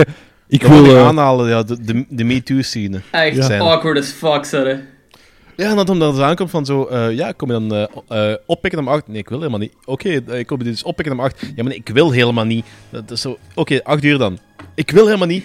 Deur dicht. Well, see you at. Ja, toen ik echt van, toen kon dat nog. Dat kan, dat, kan, dat, kan, dat kan gezond zijn, dat kan onschuldig zijn eigenlijk. Maar dit is gewoon aanhoudend. Die heeft verschillende keren gezegd van... Nee, ik ben echt niet geïnteresseerd. Dit is creepy dan echt, blijkt- ja. En naderhand blijkt dat hij effectief dan verloofd is en dat hij dus echt niet geïnteresseerd was. Het is al creepy Ja. om met een gigantisch telescoop er naartoe te kijken. Ja. en dan zo'n beetje gaat beschrijven hoe dat haar kamer eruit ziet van dat meisje. En die vindt het allemaal niet erg, hè. Die zegt zo van, ja, oké, zo wat. Die halve maanden, die halve maanden moet op je eh, nachtkastje liggen. Huh, wat? What? Ja, ik ben de helderziende. Ah, oké, zo wat. En die pakt toch een vriendin mee ook. Evelyn Enkers heeft effectief de hel doorstaan in deze film, hè. Lon Chaney Jr. is trouwens een raging alcoholic. Wisten jullie dat? Ja, dat zegt nog iets. Oh, de volgende alweer. Hoeveel raging alcoholics zit er niet in dat film eh, Universal wereldje? Maar ja, dat was 1930, 1940, tuurlijk. Golden Age of Alcohol. Lon Chaney Jr. zei vaak tegen zijn regisseurs van probeer uit mee te krijgen wat je wilt voor 10 uur s morgens, want dan daarna is er met mij niks meer aan te vangen. voor 10 uur s morgens, hè? En eh, hij is ook uiteindelijk gestorven aan, aan eh, hartfalen en keelkanker. Maar eh, hij pestte Evelyn Enkers achter de schermen vaak, eh, omdat zij een dressing room had en hij had er geen. Want eh, hij had vaak in een redelijk dronken bui studiomateriaal ge eh, gevandaliseerd. En de studio wou hem daardoor straffen om geen dressing room te geven. En daar was dan Evelyn Enkers slachtoffer van. Want ehm, vaak in, eh, tijdens deze film, tijdens de opnames, ging Lon Chaney Jr. in full make-up, een full Wolfman make-up, eh, vaak haar verschieten tot hem en, en pesten en zo. Wa- ja, een beetje... Lollig is. Ja, Wat inderdaad. fucking, wat een fucking douche is dat? Ja, Ja. Maar nee, op zich is dat wel een grave kerel, behalve dat hij alcoholieker is. En vrouwen lastig valt omdat hij jaloers op is, omdat eh, zij meer krijgen dan hem. Dat is door, dat is door zijn alcohol, eh, alcoholisme, hè. Dus voor 10 uur s ochtends is hij echt de beste persoon. Dus je hebt echt zo'n window van 8 tot 10, dat hij echt aangeraden is. Tijdens de, tijdens de opnames van The Ghost of Frankenstein had hem kleine, Staat hem 11 uur op, voor 10 uur met dan gaf hem kleine kinderen, was, was hem dan aan het tracteren op ijs en zo. Dus hij, hij kan wel aangenaam zijn, maar hij is ook gewoon een lul door de alcoholieker kant in hem. Maar Evelyn Enkers niet alleen, eh, is niet alleen, heeft niet alleen hel doorstaan door eh Lon Chaney Jr. Ook door Lon Chaney senior. Nee, want die was al dood op dat moment. Maar zij is aangevallen door een echte beer op de set. Een beer. Een beer. Waar kwam die vandaan? Er was een scène waar de Wolfman vocht met een echte beer, maar die beer die liep weg tijdens de opnames. En die liep Evelyn Enkers achterna. En dus zij is dan, zij is dan een ladder opgevlucht en een of andere technician heeft dan haar gered. Waar, En die hebben een echte beer gebruikt, geen CGI-beer of Ja, zo. CGI bestond niet in die tijd. CGI-beer. 1940! Industrial Light and Magic, Maar het is nog, 1940. trouwens nog iets zotte gebeurd. Helemaal plaatsen, wanneer zij flauw valt in de mist, in de mooie mist in, in, in het bos. Ehm, die mist is ge- ja, gemaakt van weet ik veel voor chem- chemicaliën, maar door die chemicaliën is zij effectief bewusteloos geraakt. En de crew was die set allemaal aan het filmen. Oké, ze hebben gedaan met filmen en ze zijn alles aan het opstellen voor het volgende filmen. Ondertussen lag Evelyn Enkers nog altijd bewusteloos op de grond. Ze waren begonnen aan de volgende scène te filmen en pas na een tijdje heeft een van een technician haar gevonden daar bewusteloos. Wauw. Jezus Christus, maar, eh, dat, is zo, dat is zo onze hoofdactrice. Waar is die ergens? Ehm, Ja. Nergens? Ja, Gisteren bijna vermoord door een beer. Whatever. Bear Grylls. Dat is toch mega zot. Wat ik nog wil zeggen is dat eh, hier wordt dus een. eh, hier wordt een griet kapot gebeten door een wolf. Die wolf is Zigeuner Bella, gespeeld door Bella Lugosi. Larry Talbot wil haar gaan redden, maar wordt dan ook gebeten door een wolf. En dan slaat hij de wolf tot pulp en eh, die gaat dan uitleggen tegen zijn pa, Claude Rains. Met andere woorden, de Wolfman wordt gebeten door Dracula en gaat het uitleggen tegen de Invisible Man. Ah ja, we hadden, Ja. we hadden het er al eens over gehad dat zo die hele eh, Universal Monsters eh, serie, dat eigenlijk inc- incestfest is. Hè? Ja, ja, dat is ook, dat is ook. En dan gaan we nog tegenkomen dat verschillende acteurs terugkomen en eh, een ander personage spelen dat, eh, wat ze in de vorige dingen speelden. Dat is ja, ik wel iets heel zot. Eh, ik vind Evelyn Ankers ook gewoon een heel grave actrice in deze film. En ik vind, dat maakt ook, deze film ook boeiend. De relatie tussen de personages en het verhaal van de personages. Dus Larry keert terug van Amerika naar Wales, omdat zijn broer gestorven is. En hij is de enigste erfgename. Eh, hij krijgt dan een familiefortuin. En ondertussen wordt hij verliefd op Gwen. Maar Gwen is verliefd op een gamekeeper. Larry is een grote man. eh, hij is binnenkort groot grondbezitter. En wat is haar verloofde? Iemand die daar rondloopt met fazanten. Dat is, dat, dat is wat de verloofde doet van, van Gwen. Dus ja, het lijkt toch op dat ze voor Larry gaat kiezen. Maar wat wil dat voor Gwen zeggen? Fazanten betalen niet op het einde van de dag. Ik vind ook wel cool dat je... Larry, Lon Chaney Jr., vanaf dat hem gebeten is, loopt hij constant met een bedroefd gezicht rond. Echt zo'n een schuldig gezicht, zoiets. Zo. Ja, ja, ja. Maar die hè. Die is ook gewoon... Die voelt zich gewoon met fysiek gewoon rot Plus, slecht. hij, voelde, hij voelde zich ook heel schuldig dat een Bella had doodgeslagen. Ja, ja. Ja, en ook wanneer je daar op de kermis dan met de gamekeeper eh, daar wat dingen gaat kapotschieten en dan eh, zit hem daar zo'n wolfplaatje en dan, ja. en dan wordt hem ook mentaal gewoon helemaal kapot. En ook wel zot dat hier weer, weer al een driehoeksverhouding in zit. Een eh, Invisible Man is ook, dat komt ook zoiets vaak voor bij de Universal Monsters. Er moet altijd precies een driehoeksverhouding in zitten. Spanning, hè? Ik vind wel dat in deze film bij de betere Universal Monsters, voor zover dat ik heb gezien, scènes zitten als je echt los gaat bekijken. Ik vind de, de transformatie van Weerwolf, daar zal het straks misschien nog wel over hebben, maar ook het gesprek dan effectief met die dokter, Ja. vind ik echt een keigoed stuk gewoon. Als hij zo... Ja, ze zijn daar allemaal zo aan het lachen en hij komt zo binnen van heel serieus van... Fuck, ik ben gebeten, hoe zit dit nu in elkaar? En de anderen zijn dat idee van een wereld nog aan het weglachen. En hij wil ook zo wel wat meer lachen om niet de aandacht op hem te zetten. Maar anderzijds wil Ja! hij ook wel informatie van Ja. die dokter. Ja, dat vond ik echt inderdaad. heel cool, die dynamiek. Dat is een heel sterke scène zelf. En dan inderdaad, zoals je al zei, van eh, can a mind eh, make a body believe that something else, vind ik echt heel, heel cool thematiek gewoon. Ik vind het ook mega Ja. goed. Dat vind ik mega zot zelfs. Ik vind ook... ehm, maar hetgeen wat ik wel een beetje raar vind is... Die Gypsy Griet, eh, die daar zegt van... Whoever gets bitten by a werewolf turns into a werewolf themselves. Die geeft eh, op een bepaald moment, na die kermisscène, geeft zij zo'n pentagramketting aan, aan Larry Talbot. Ehm, om, en dat, ja, like, Larry Talbot geeft hij dan weer weg. Maar dat dient om hem te beschermen, zo gezegd. Maar waarom heeft zij dat niet aan haar zoon gegeven? Misschien heeft zij toen daar zo'n weerwolf werd, beginnen onderzoek of wat research doen hoe dat kwam, dat dan ontdekt, maar het was al te laat voor haar kind. Oké, ja. Oké, dat is misschien een beetje vergezocht. Ja, kijk, volgens, volgens mij zijn er ofwel twee redenen. Ofwel was, was hij te ver weg. Gelijk wat ik straks al zei van de evolutie van dat je Ah, begint als een ja. ehm, menselijke variant van de weerwolf.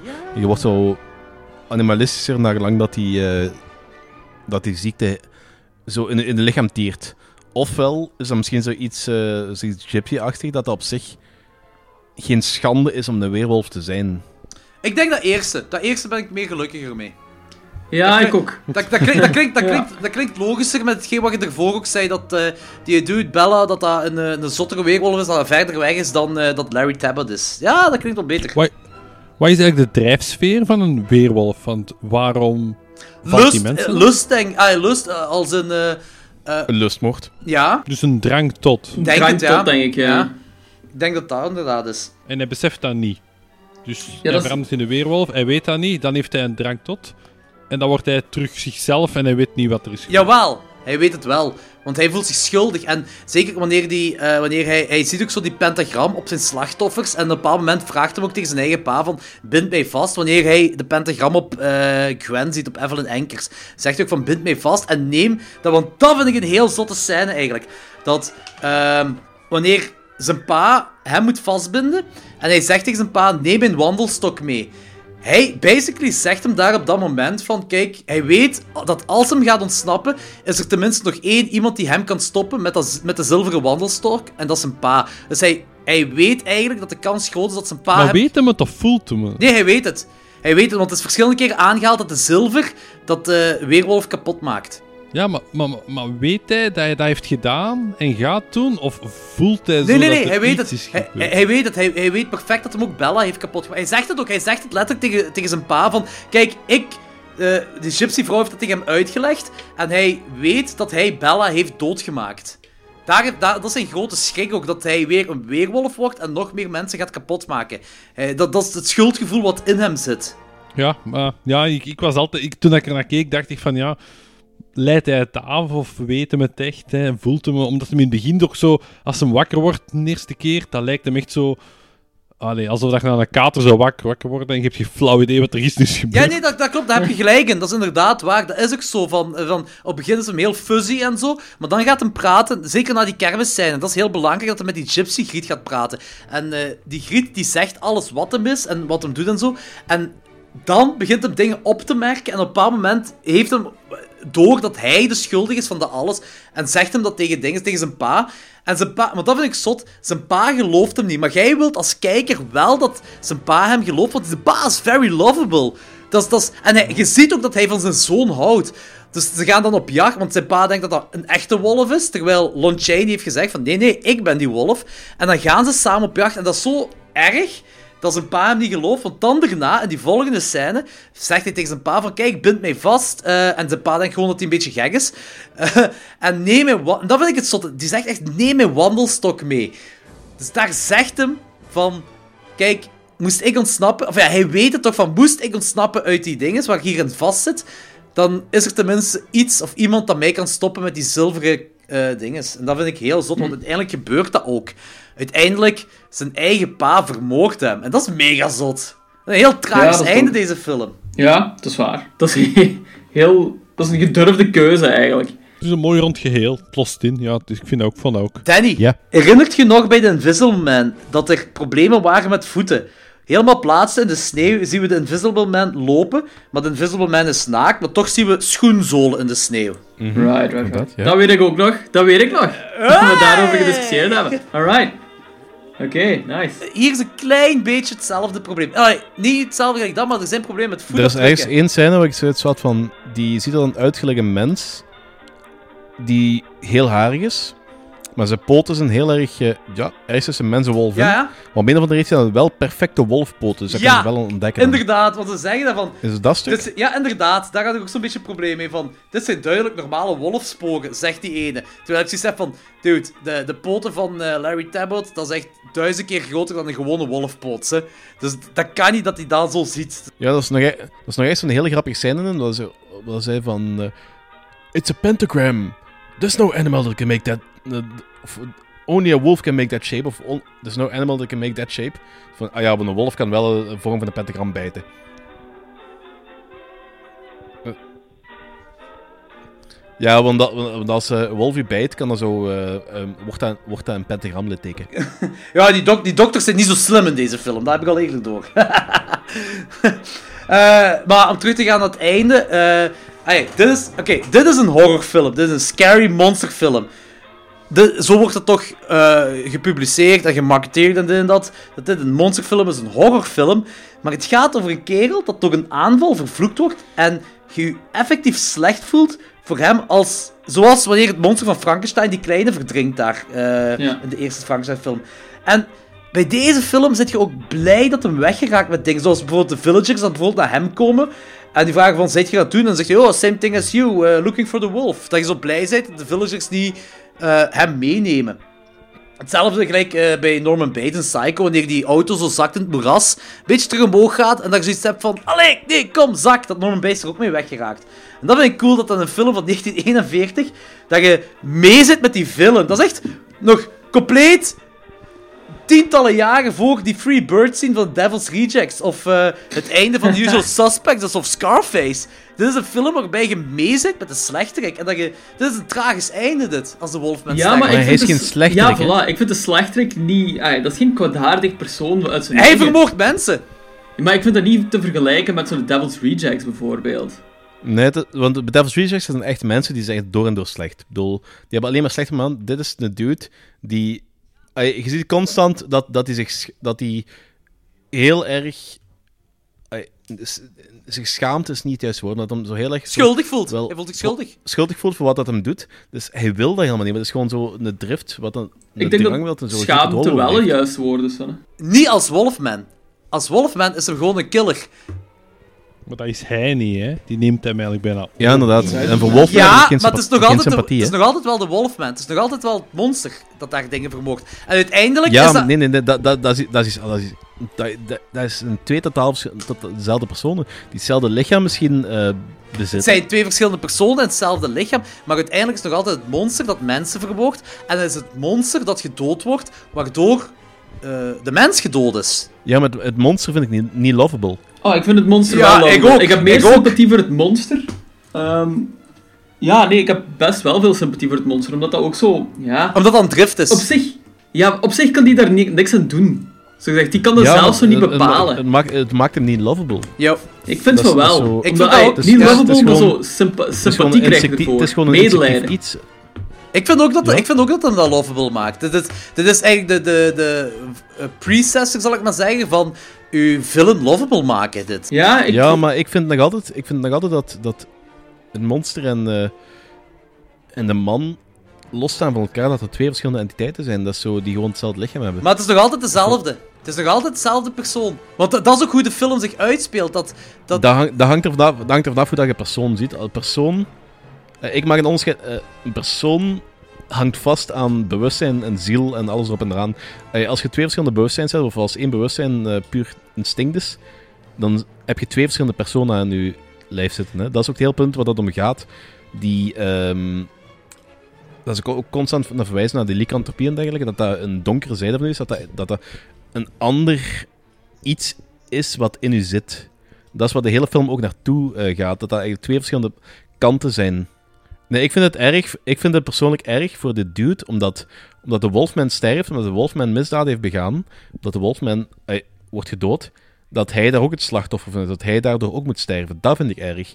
Maar van de Wolfman vind ik dat niet erg. Ik heb geen sympathie voor de Wolfman, want de Wolfman is gewoon een instinctief beest wat gewoon moordt. Ja, maar net daarom... Ja, Net inderdaad. daarom vind ik het wel erg. Ja, maar voor hem, niet voor de wolf. Jawel. Ja, maar voor de wolf vind ik Dat dat, is ook heel- erg. dat heel- Ja, inderdaad. Nee, dat, dat vind ik niet. Ik, ik zie die twee personen. Ik zie dat twee. Volgens mij zijn het twee verschillende persoonlijkheden.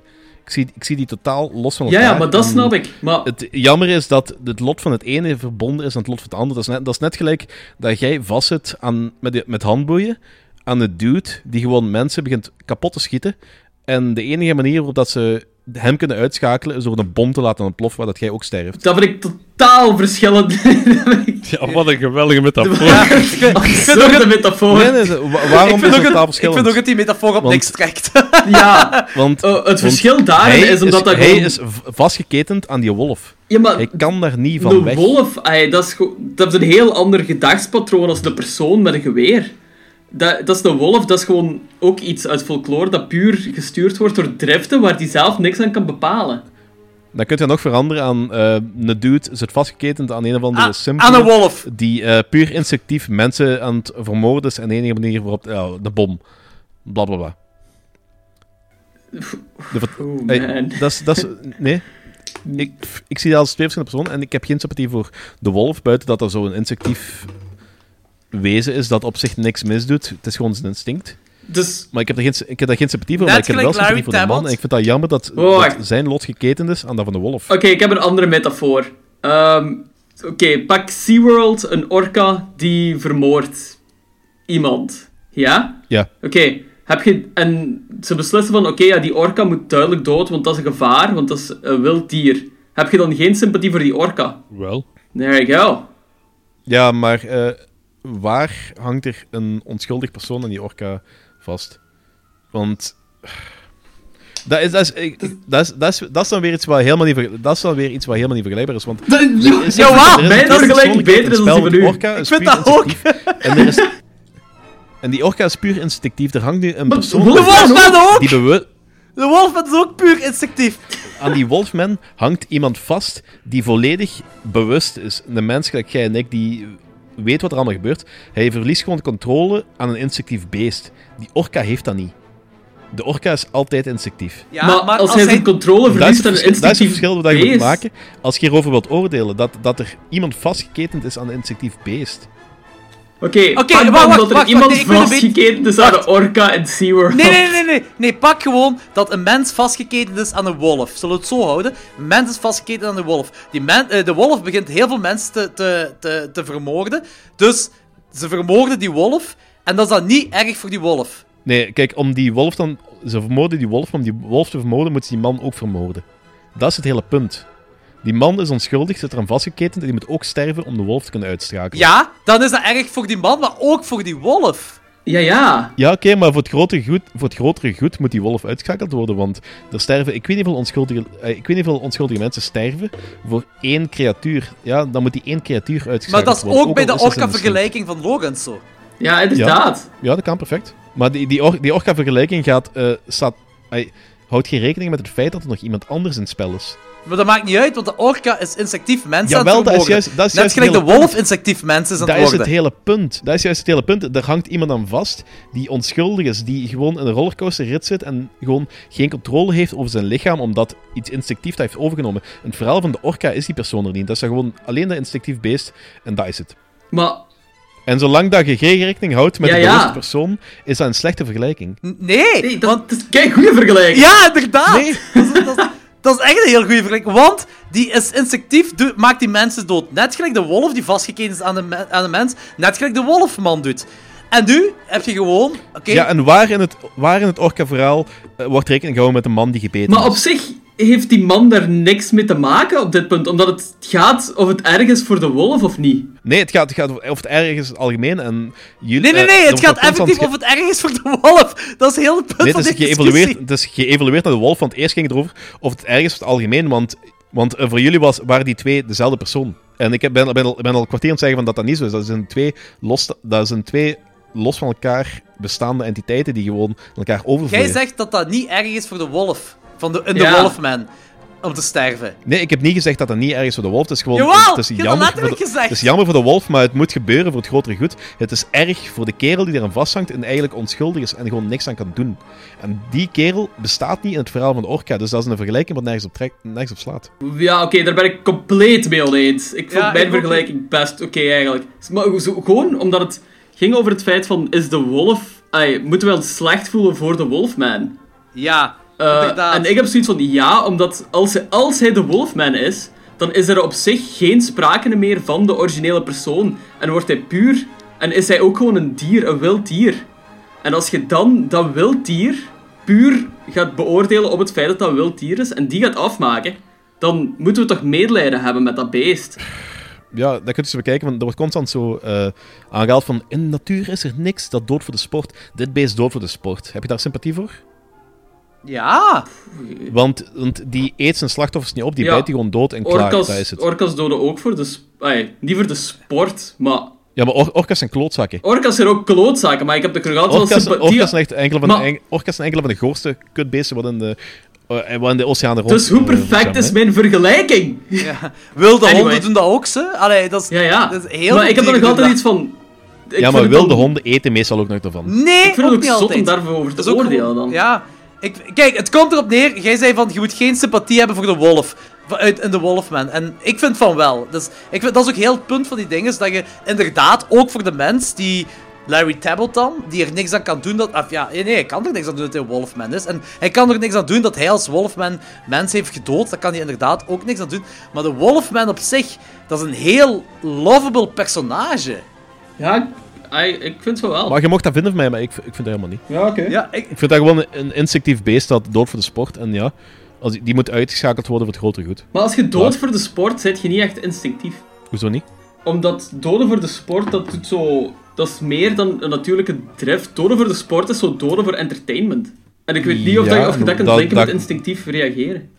Instinctief zijn dingen die in je genetische code ge- ingebakken zijn. En als je in je genetische code is ingebakken dat je dood zonder dat je het moet eh, opeten, is dat voor de sport.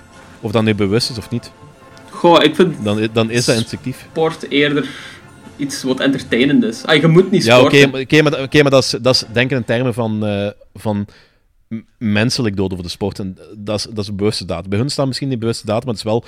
Het is hun equivalent, hun instinctief equivalent van de sport. plus is het ook niet zo dat de Wolfman, die voelt zich helemaal niet thuis in deze wereld. Ja. Heeft dat daar ook niet mee te maken? Ik denk niet dat dat beest eh, bewust genoeg is om daarover na te denken. Waarom niet? Ik denk, een- wolf die eh, hier, in, hier een stad rondloopt, gaat ook niet nadenken van oei, mijn plaats hier. Maar Ja, dat is het juist. Het is, niet, het, is, het is een wolfman. Het is geen wolf. Ja, dat wordt niet, dat wordt niet diep op ingegaan van in welke mate dat hij effectief kan, kan nadenken als een mens of als een beest. Dus ik denk dat dat een beetje een Nee, maar de, gyp- de gypsy zegt dat wel. De, de gypsy heeft het daarover. Hè. Eh, dat, wel als hij over zijn zoon praat. Dat dat... dat Ah, wie gelooft gypsies? Ja, kom. ja, maar nee, maar ik denk dat het daar wel mee te maken heeft. Dat, eh, dat hij zich, die is out of place, is, hij hoort niet thuis in deze wereld. Daar wordt eigenlijk nog wel vrij hard nadruk op gelegd. En dat is, dat is, dat is wel een beetje het, eh, het thema wat in al die Universal Monsters films voorkomt. Bij, bij Frankenstein is dat ook. Bij Creature from the Black Lagoon is dat ook, wat we binnen een paar keer zullen bespreken. Dus Heel ik denk, voor. ik denk dat dat daarmee te maken heeft, ook dat die, dat, dat, eh, dat vermoorden en zo, dat het daar, Ja. dat dat doet. Het is misbegrepen. Ja, het is niet per se als sport. Het is, een, het is een wild beest sowieso, omdat hem van een wolf komt. Maar inderdaad, misbegrepen. Dat is denk ik de reden ook waarom hij Dus in een andere situatie zou die eigenlijk perfect in eh, cohesie met mensen kunnen samenleven. Ja, maar was een andere... Dat is, Was wat, een... dat is wat je nu eigenlijk zegt. Ja, maar was een andere situatie. K- Kan een monster denken over zo'n andere situatie? Bij het monster van Frankenstein is het juist hetzelfde. In welke situatie kan die perfect samenleven met een mens? Maar is dat niet gewoon een beetje de, op de verkeerde plaats zijn? Allee, ik denk dat dat met die orka in SeaWorld ook zo is. Een orka, Hoort daar gewoon in niet. de zee rondzwemt en dat, dat eet daar zeehondjes op, vinden wij dat allemaal Ja, ook ja. jammer, maar liggen we niet echt wakker van. want Orka's dat is- zijn altijd klootzakken. Maar, dat, maar dat is natuur. Maar als het dan in SeaWorld zit, dan is dat dan jammer dat iemand doodbijt, maar dat beest toch gewoon het enige wat dat weet dat dat moet doen. En eigenlijk is dat zelfs raar dat dat niet vaker gebeurt. Ah, wel, Inderdaad. ja, inderdaad. Ja, voilà. En hier vind ik, ik vind erg dat de wolf mij doodgaat. De wolf op zich, ja nee, maar eigenlijk ook, ja, die zit eigenlijk op een verkeerde plaats. Hij moest hij alleen in een bos wonen, zou dat minder erg zijn, omdat dat normaler is, maar? En de mens die doodgaat, in het begin vind ik dat niet erg, want ik vind dat niet zo'n aangenaam persoon. Maar het feit dat hem zich dan zo wilt opofferen voor, ja, dan wint hij wel wat credit op die manier, maar ik had wel nooit echt een geweldig grote band mee het karakter wolf of mens gewoon. Ik had daar minder... Ja, ik leef met u mee en ik hoop dat je overleeft, had ik wel nooit echt zo. Ah, ik was wel... Vooral die hele scène met zijn pa vind ik heel belangrijk daarin. Echt zo dat hem dat tegen zijn pa zegt dat je wilt dat zijn pa hem gelooft en dat zijn pa dan hem dat niet Ja, gelooft. dat is, al, dat is al later, hè? Ja, inderdaad, dat is later. Dat is inderdaad later. Dat is bijna helemaal op laatste. En dat hem dan die wandelstok nog meegeeft aan zijn pa, dan had ik zoiets van, holy shit, het is best wel donker eigenlijk. Datzelfde gelijk, eh, eigenlijk hetzelfde gewoon gelijk als jij als mens eh, een geweer meegeeft aan je pa en dan, ja oké, niet letterlijk zegt van schiet mij dood als ik iets doe, want zijn pa weet niet dat hem dat doet. Maar daar komt wel een beetje op neer van, hij weet, hij weet wel dat als hem gaat ontsnappen, dat zijn pa eh, de mensheid kan redden van hem door hem te vermoorden. En dat is iets wat ik heel donker vind aan deze film. En dat ook nog effectief gebeurt. Dat vind ik het donkere van al. Dat hij daar zijn zoon tot moes slaat, terwijl hij niet weet dat dat zijn, moes, dat, dat, dat zijn zoon is. En dan ziet hij die terug transformeren en dan heeft hij zoiets van, ah, fuck, mijn zoon is dood. En ik heb dat gedaan. Dat is... En, ja, en ergens eh, ga ik daar ook wel mee met, Dan- in, in met Danny, want eh, het monster is dood en dat is goed voor de mensheid, dus dat is wel een happy end op dat vlak. Maar dat wordt heel tragisch weergegeven. Ja, Exact. ik denk gewoon... Ja, ik weet niet. Ik heb ergens ook zoiets van... Kunnen wij als mensen ander ja, de Wolfman boven ons stellen. eh, onder ons zetten. Dat vind ik zoiets moeilijk. Hoe? Hoe bedoelt Ja. je? Bedoelt je?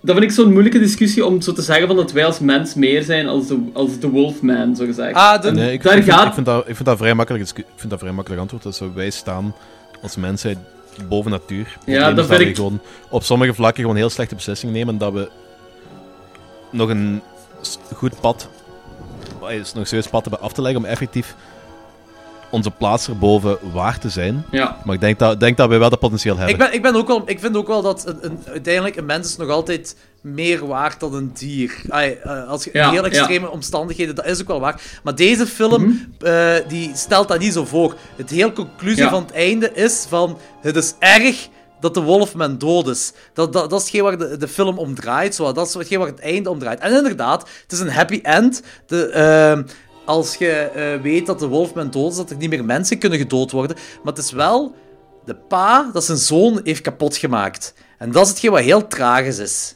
Dat is hetgeen wat tragisch is in dit verhaal. Ja, zwaar. Ja, daar kan ik verleeg, kan ik verleeg mee leven. Ik had eh, helemaal op einde, ik had all the fields. Ik had zoiets van, oh fuck. Dit. All the field. Ja. All the feels. Ja, ik heb nog een fun fact. Oh ja, het is geen fun fact, het is een beetje meer een morbide fact. Zeven wolven dood op set. Wie is er nu weer dood gegaan, inderdaad. Ja, ik heb al verteld, Lon Chaney Jr., hoe hem gestorven is. Maar eh, de dood van de Gypsy Griet. Zij was een kettingrookster en eh, zij stond bekend om letterlijk constant te roken. Die was aan het roken tijdens het eten. Eh, tussen iedere take in was ze aan het roken. En zelfs tijdens het zwemmen rookte ze. Tijdens het zwemmen, hè. Ook onder water effectief, of, eh, of Dat denk ik nu net niet. Maar, dat zou zo cool zijn. maar dat heeft wel uiteindelijk geleid tot haar dood. Want zij is in slaap gevallen met een sigaret in haar mond. En het hele huis is afgebrand met haar erin ook. Ah, fucking, dat is echt zo'n smerige dood, hè. Ja, dat lijkt me ook wel een kutdood. Maar je hoort echt wel vrij vaag, eigenlijk, hè. Dus... Ja, het schijnt Ja. dat die dingen wel vaker gebeuren. Dat eh, mensen in slaap vallen met een sigaret in de mond. Dat is wel zot. Ik heb het ook eens gehad. Ik ben ook eens in slaap gevallen met een sigaret in mijn mond. Echt? Ja. Zo van, van die chocoladesigaretjes. Ja, voilà. Echt zo vettig dat mijn handen waren toen ik wakker werd. Super. Hoe, hoe heb je dat dan gemerkt, Lorenz? Het was dus wel degelijk een echte sigaret, maar die is gewoon uitgegaan. Ehm, want op een zeker punt... ehm, dat is ook niet... Ja, dat is al even geleden ondertussen. Maar sigaretten zijn op een zeker punt anders gemaakt geweest, dat die... Als er niet aan getrokken wordt, eh, die automatisch uitgingen. Maar ik ben dan zo... Saved your life. Ja, voilà. Maar op zich, van... ah, je wordt dan wakker en je hebt zo wat als op je t-shirt liggen of zo. Dus. En een ja, lege sigaret niet bakken. Anyways. Ja, anyways, Danny, ratings. Eh, gelijk zei van, ik vind, ik vind dat een heel coole film. De- de- het enige puntje wat ik heb is zo de Davy Crockett en modder eh, look. Ja. Maar dat is ook het enige probleem dat ik met die film heb. Voor de rest, ik vind dat sowieso lycanthropie en dergelijke. En weerwolf, ik vind het een hele coole mythologie. Dus ik ga hem een 9 geven. Oeh, nice.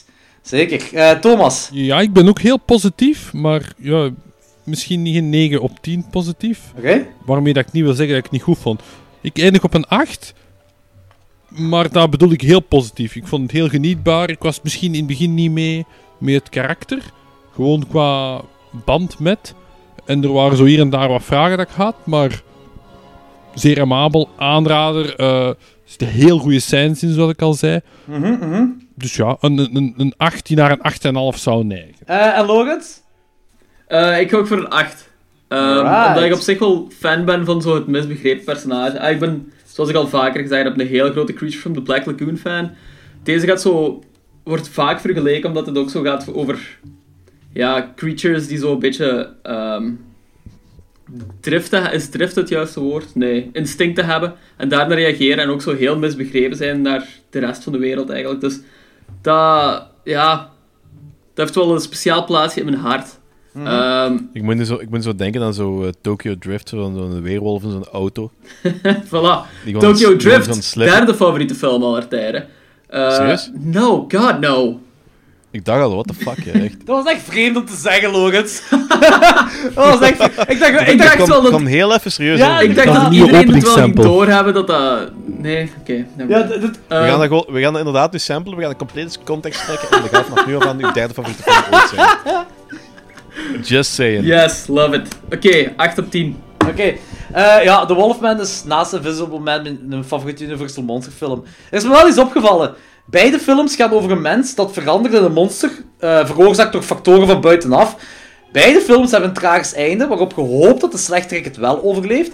En beide films hebben iets mis met de fucking voetafdrukken.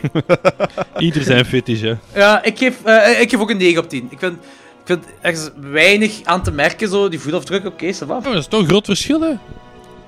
10 op 10, 9 op 10 tussen de beste en de tweede beste? Ja, oké, dat is wel waar. Maar ene moet toch toch wel de beste zijn, hè? Ja, maar de- je kan een 9,5 geven. Ah, Nodig, het is gewoon goed, bedoeld om oké, het is goed, nee, fuck, het is goed. Wolfman, 9,5. Ze- Hij verdient het, hè. Een fucking goede film, zeker. Ehm, Oké, dan gaan we over naar de laatste film van vanavond. The Ghost of Frankenstein. Father was Frankenstein. That your mother was the lightning. Hier- hier- hier- Oké, ik ben slecht in namen zeggen, hè, maar... Wow, ik, ik, heb, nog- ik heb nog even eh, ehm, een vraagje in verband met de Wolfman. Ehm, sorry, dat, ik wou dat juist even tussenin pompen, maar toen begon jij met een hele monoloog of weet je wat, toen was ik even kwijtraakt. Met ratings, Maar ja? ehm, de, de regisseur of director, die heet eh, Wagner. ja... Zou dat een invloed zijn geweest voor dat eh, wolfachtig ding van X-Men, die ook eh, Wagner heet? Ah, cool. Ah, dat kan goed Dat zijn, kan hè. Dat ongetwijfeld vroeg, mij, wel. dat vroeg, vroeg mij juist eigenlijk af. Van, want, ja. Ah, dat zou wel eens goed kunnen. De, ja, de, de connecties Ik te, van wel. ja, de connecties te, te hard gewoon eigenlijk, hè. Dus dat zou wel goed kunnen. Oké dan, Ghost of Frankenstein. Met de tagline... Shit, dat is een lange tagline. dat is een tagline. Shit is een lange tagline. Oh, voilà, is goed. Cast. Lon Chaney Jr. als de monster. Eh, dus de eerste Frankenstein-film waar Boris Karloff het monster niet speelt. Maar Karloff heeft de rol geweigerd. En eh sh- ja, Lon Chaney Jr. werd gecast voor het monster tijdens het filmen van The Wolfman. Ehm, Cedric Hardwick als Ludwig Frankenstein, ofwel Ghost van eh Heinrich Frankenstein. Lion Atwell is er terug bij als Dr. Theodore Bomer. Bella Lugosi is terug als Igor. En Evelyn Enkers als Elsa Frankenstein. Eh, ik denk trouwens dat Elsa Frankenstein, eh zou zij Elsa noemen, naar de Bride Frankenstein. Want de Bride noemt eh, Elsa Lancaster of zoiets. Dus zou ze daar misschien, eh, daarom misschien Elsa Frankenstein noemen? Ja, hmm, too far-fetched. Ik weet het niet. Denk je? Geen idee. Bride Frankenstein. Bride Ja. noemt Elsa. Hier noemt zij Elsa Frankenstein. Ik vind dat niet zo farfetched, hè? Nee, oké, fair enough. Oké, synopsis. Yes. Um, when Igor brings the monster to Dr. Ludwig Frankenstein for care, Ludwig gets the idea of replacing the monster's current criminal brain with a normal one. Ehm, Oké, Ja. The Ghost of Frankenstein. En we zien twee minuten geest in deze film. dit, is de vierde, eh, dit is de vierde film van de Frankenstein-franchise. En Thomas en Danny, jullie waren vrij hard mee met of Frankenstein, als ik me goed herinner, hè? Ik vond het wel heel cool, ja. Ja, wat vinden jullie van deze film? Zeker tegenover Son. Kijk, het begint toch wel een beetje weg te hebben, vind ik. Dus zo... Ik heb het ondertussen wel gezien, zo... Het is opnieuw, opnieuw eigenlijk weer elke keer zo dezelfde film. Dat is een... De eerste paar keer vond ik nog wat cool, maar ik heb het er nu wel mee gehad, eigenlijk. Mij stoorde dat minder, omdat het deze de tweede was die ik zag. Dus Ik vind niet dat deze hetzelfde trekt op de andere. Ik vind deze wel de mindere, maar ik vind niet dat deze trekt, want de- deze ja, heeft veel met hersenen eh, verplaatsen te maken. Ah, zo, ah, ik, ah, moet ik dat zeggen? Ja, ze hebben, ze hebben daar een interessante insteek in Ja, dat bedoel ik. Ja, dat. hè. Dat is het, maar voor de rest... Het is wel weer een monster dat door townspeople eh achterna gezeten wordt. Dat moet er Ja. wel. Het is een, het is een, eh, ja, Exactly my point. het is een Frankenstein-film. Er moeten villagers in voorkomen die, die Het is een die kwaad zijn. franchise film, hè. Ja, voilà. Eh, ik vind het ook wel grappig, helemaal op het begin. Dus je krijgt eerst een recap van Son of Frankenstein. En dan... ehm, ja, oké, het monster heeft dan die ontploffingen en al overleefd. Want sulfur is good for you. It, it preserved you. Wat ik heel grappig vind. Ja, daar had ik al zoiets van zo... Dude, nee. Ja, tuurlijk. Ja. Het is een franchisefilm. Tuurlijk, dat zijn dingen... ehm, dat, is, dat, dat is... Dat heb je bij franchises. Just go with it. Dat, ze moeten ergens iets mee geven. Maar wat ik nog zotter vind... eh, waar ik meer problemen mee heb, is dat Igor niet alleen het overleefd heeft... Maar dat de kapotte tanden van hem, wat op laatste gebeurt in Son of Frankenstein, hier compleet normaal zijn. en daar zeggen ze niks over. Dat vind ik wel iets... Ja, oké. Ehm, we, we zien dus hier het monster voor de eerste keer gespeeld door Lon Chaney. Maar er waren problemen met Lon Chaney, de alcoholieker dat hem is. het rubber, eh, je ziet... De make-up ziet er iets anders uit hè, dan eh, bij het monster. Ja. Ik vind effectief dat hij er slechter uitzag hier. Die ziet er zo dom uit. Veel mensen hebben daar een probleem mee. Maar het is nog altijd gemaakt door Jack Pierce, eh, de, de make-up. En die ogen zijn zo precies slaperiger. Of ja, ik weet niet hoe ik het anders moet zeggen. Zo meer, de oogleden zijn meer dichter zo. En die heeft precies zoiets vierkantig rubber op zijn voorhoofd dat dikker maakt. En eh, ja, Lon Chaney Jr. die had daar heel veel problemen mee. En hij vroeg op een bepaald moment van, kun je daar afhalen? En eh, niemand wou het op dat moment doen. En uit kolerigheid heeft hij hem zelf afgetrokken. En heeft hem een hele grote ja, wonde gecreëerd. En eh, hebben ze de, de opnames een paar dagen moeten verlaten. Ja. En hij was ook op een bepaald moment in full make-up. Was hem ook uit dronkenheid was hem verdwaald geraakt in het laboratorium dat ze daar gebouwd. Ze hadden daar verschillende sets, verschillende laboratoriums gebouwd. En daar is hem in, in, eh, uit dronkenheid ver, verdwaald in geraakt. Wel een trip geweest. hè. Doe een beetje denken aan die scène van... eh ehm This is Spinal Tap, dat ze zo drie, kwart- drie kwartier door de backstage tegen lopen. Yes. Ja, ja, inderdaad, inderdaad.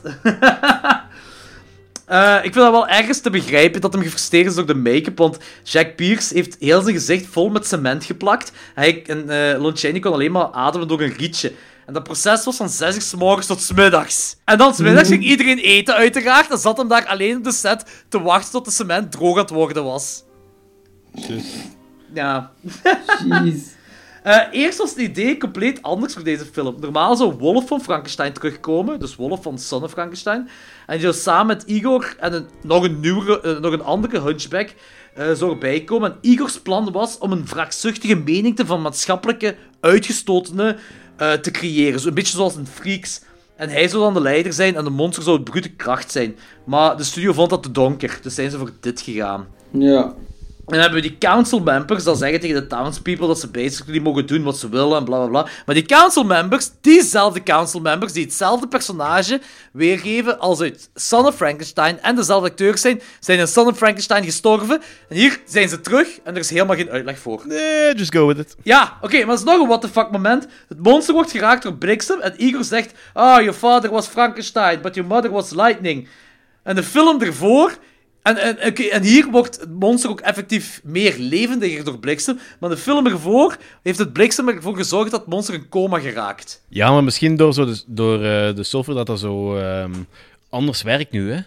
Ja, want Ah, door eh, de sulfur? hij is krachtiger geworden. Eh, bla bla bla bla bla. Ah, oké. Ja, ik vind dat eh, een lame ding is, maar oké.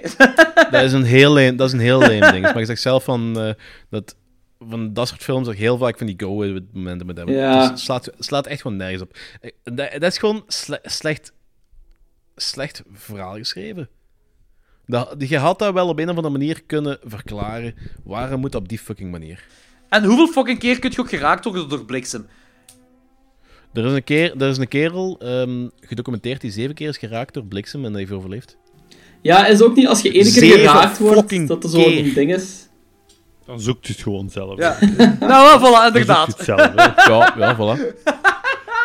Eh, hoe out of place ziet het eruit als Igor het monster naar Ludwig Frankenstein wil brengen met dat monster en dat daar de ganzen tegenkomt in, die, in dat dorpje, dat hem daar even met het monster toe... Hoe, wat denkt Igor ook op dat moment dat men daar die, dat stadje binnen gaat? Gewoon met het monster, alsof dat niks is, alsof dat gewoon normaal is. Dat is zoiets heel raar om over na te denken. Ja, maar ik denk ook niet dat dat scherpsgereedschap van de schuur is. Hè. Nee, helemaal niet. Inderdaad, helemaal niet. En het monster dat dan het klein meisje tegenkomt, dat moet wel een throwback zijn aan de eerste film, niet? Ja, vrij. Ja, sowieso. Ik vind het wel cool, we zijn 14 minuten into de film en eh, het monster heeft er al een dude van het dak geslaan. Ja. Basically gewoon die dude vermoord. Wat dacht hij en doet ook eigenlijk? Ja. Dat hij dat even... Allee, Ja, inderdaad. je kunt allemaal een beetje naïef. Hè. Ja, dat, is- dat, is wel, dat, dat is misschien inderdaad waar. Dan heb je die, die rechtbank scène, wat ik ook zo'n beetje out of place vind. Dat het monster daar terecht staat. Ah, ze willen die vermenselijken, denk ik, of zo. Of als mens behandelen. Want hij staat daar terecht in de rechtbank vastgeketend. Maar het ziet er zo raar uit, vind ik, niet? Ja, ik vind dat ook heel raar. Ja. Ik denk voornamelijk zo'n beetje bedoeld is van, ik denk dezelfde reden omdat Igor zomaar dat stadje binnenwandelt van, ah ja, ehm, nieuw stadje, eh, monster krijgt alle kansen en dan blijkt het toch allemaal slecht te gaan. Ja, maar nu... Hij breekt dan daar alles af in die rechtbank en dan komt Ludwig, van Frank eh, Ludwig Frankenstein komt eraan en hij valt Ludwig Frankenstein niet aan, want hij herkent die van ergens, terwijl dat hem Ludwig nooit gezien heeft. Hij heeft de trekjes van zijn pa. Ja, maar zijn pa werd gespeeld door heel iemand anders. Zijn pa werd gespeeld door Colin Clive. Ja, maar die, die schim wat er op een gegeven moment eh, inkomt, de schim van, de- van eh, Victor Frankenstein, Of hoe heet hem? Hoe heet hem ook Henry, Henry. Dat is niet Victor. Henry. Ja, de schim van zijn pa, Henry dan. Dat komt op een gegeven moment ook zo eh, tevoorschijn. En dat is ook een heel andere acteur. Dat is diezelfde acteur. Dus- Henry, eh, Henry Frankenstein, de geest van... Is dat diezelfde ja, acteur? Henry Frankenstein, eh, de geest van Henry Frankenstein is effectief die Cedric. Die Cedric Hardwick. Net dezelfde acteur dat Ludwig speelt, dat is hij. Maar dan heb je wel, wanneer Evelyn Enkers, daar, die diary van Frankenstein, daar is doorbladeren, en je hebt er een heel grave montage van, van de eerste Frankenstein-film. Daar is Ja. Henry Frankenstein wel Colin Clive. Ja, maar dat, is omdat hij gewoon ar eh, arch- archive footage is. Ja, maar wanneer ze het monster revealen, als in de eerste Frankenstein-film, is dat Lon Chaney Jr. als een monster en niet Boris Karloff. Dus daar hebben ze dan wel iets anders in geknipt. Dat is gewoon een heel groot continuïteitsprobleem. Ja, amai. Ik heb, ik heb er echt wel een probleem mee. Dat, ik, ik vond gewoon dat ze hier Colin Clive moesten, ofwel Colin Clive moesten eh, casten. En als dat niet eh, werkte, dat ze heel die eh, montage van, van eh, die flashback, dat ze dan effectief niet alleen het monster vervangen. Want eigenlijk, als je één iemand vervangt, is het niet het monster dat je moet vervangen, want dat valt wel op dat dat monster hetzelfde is. Al is dat wel even iets anders. Nee, het is gewoon een heel andere acteur dat ze gebruiken bij, eh, voor Frankenstein te spelen. Daar heb ik wel een groot probleem bij. En dan Dr. Frankenstein die wil hem dood. En de enige manier om dat te kunnen doen is dissecteren. Waar ook graag dus ze moeten die helemaal ontmantelen, helemaal uit elkaar halen. En dan zo gezegd het monster dood zijn. Waarom niet gewoon onthoofden? Zou dat niet genoeg zijn? Ja, ik weet dat niet. Ik bedoel, ehm, ik had al, ook altijd een neiging om zo'n Lego-blokjes, zo, als ik met Lego bezig was, om naderhand mijn dingen ook volledig uit elkaar te halen. Hè. Dat is zo bezigheidstherapie, denk ik. The only way to kill it is to invert the way we made it. hè. Ja, maar dat is, ik denk niet dat je verder moet gaan zoeken als... Wauw, dat is wel heel cool. Ah, zo. Zo voelde ik Ja. dat ook wel aan. Gewoon. Een epische manier om dat beest uit te schakelen. Ja, oké, dat is. Hetze- Je haalt hem gewoon helemaal uit elkaar. Ja, oké. Hetzelfde gelijk wanneer die Dr. Catering daar vermoord wordt door het monster. En eh, Ludwig eh, die legt dan uit aan de flikken zo van... eh oh, maar ja, eh, oké, die dude is dood, maar ik heb het wel opgelost, want ik heb zijn brein gestopt in het monster. Dus dat is wel allemaal normaal. Terwijl zo, nee, ai, in het echte leven zou het niet normaal zijn. Je zou die toch moeten aangeven of zo. Daar ligt een, een fucking lichaam, een lijk ligt daar nog altijd bij u. Maar dat is allemaal normaal in deze film. Dat waren andere tijden, hè. De andere tijden. Ja, zo in horrorfilms kun je altijd zo wel een paar sprongetjes vergeven. Maar deze worden er wel heel veel, hè. He- Heel veel, inderdaad, ja. Ja, maar we zijn, we zijn, er, we zijn hier opnieuw bij zo... ehm, bij de filosofie van...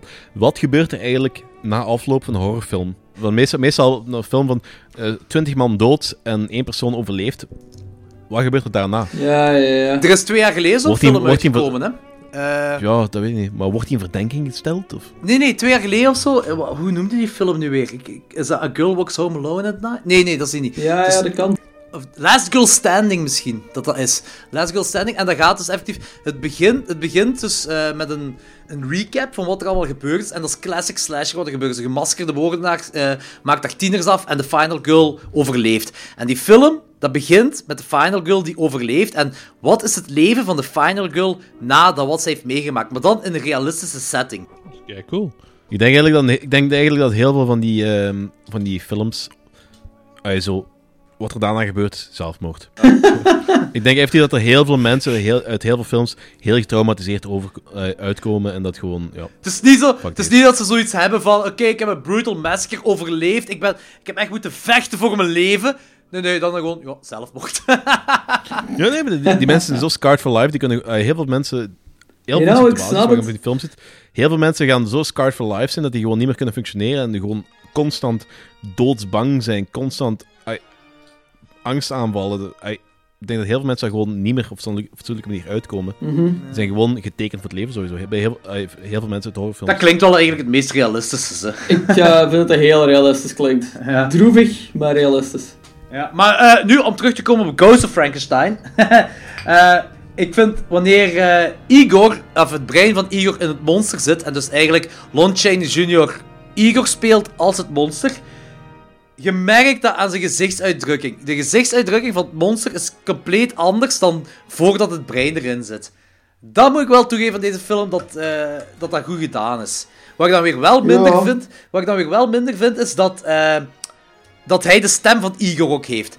Dus Holy shit, dat was zo dom, hè. Dat vond ik echt ja, dom. my, what the fuck. Bella? Lugosi heeft dus effectief ge- dat gedubt wat, wat Lon Chaney Jr. zegt. Het is Zo, de hersenen worden verwisseld, dus je zal ook wel de, de, de stem hebben van Igor. Dat is heel vreemd. Dat is... Ja, dat was echt... Ik vond dat echt dom. Ja, en dan het Igor-monster, of ik weet niet hoe ik dat moet noemen op dat moment, wordt plots blind. Elektrokeert dan daarna eh daar een bomer, en, eh, of boomer. En het kasteel ontploft, omdat er wat gas in was of zo. Eh, en dat is het einde van de film, want elke andere Frankenstein-film eindigt ook in een ontploffing. En het laatste wat, we, wat wel cool is, het laatste wat we zien, is dat het monster het gezicht ook afbrandt. Dat begint zo af te pellen. Dat is wel cool om te zien. Voor mij stopte de film en ik ben direct beginnen deep diven. Want ik vond dat super intrigerend van dat blind worden.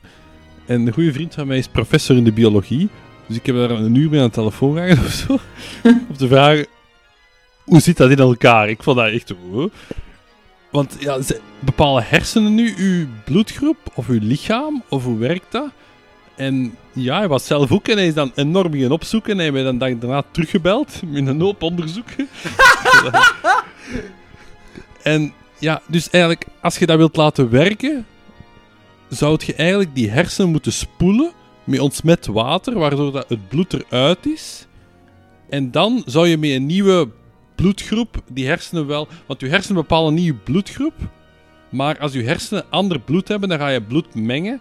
En dan gaat het totaal fout lopen en beginnen klonteren. Ja, ja. Maar dus als je je hersenen leeg... Allee, pff, intrigerend sowieso. Oké. Oh shit. Oké, dat is onmiddellijk de meeste diepgang die we hebben gehad in die hele show. Ja, inderdaad. Maar ik, ik, ik dacht wel, wel op voorhand dat ze movie science gebruiken en niet echte science. Daar ging ik wel vanuit.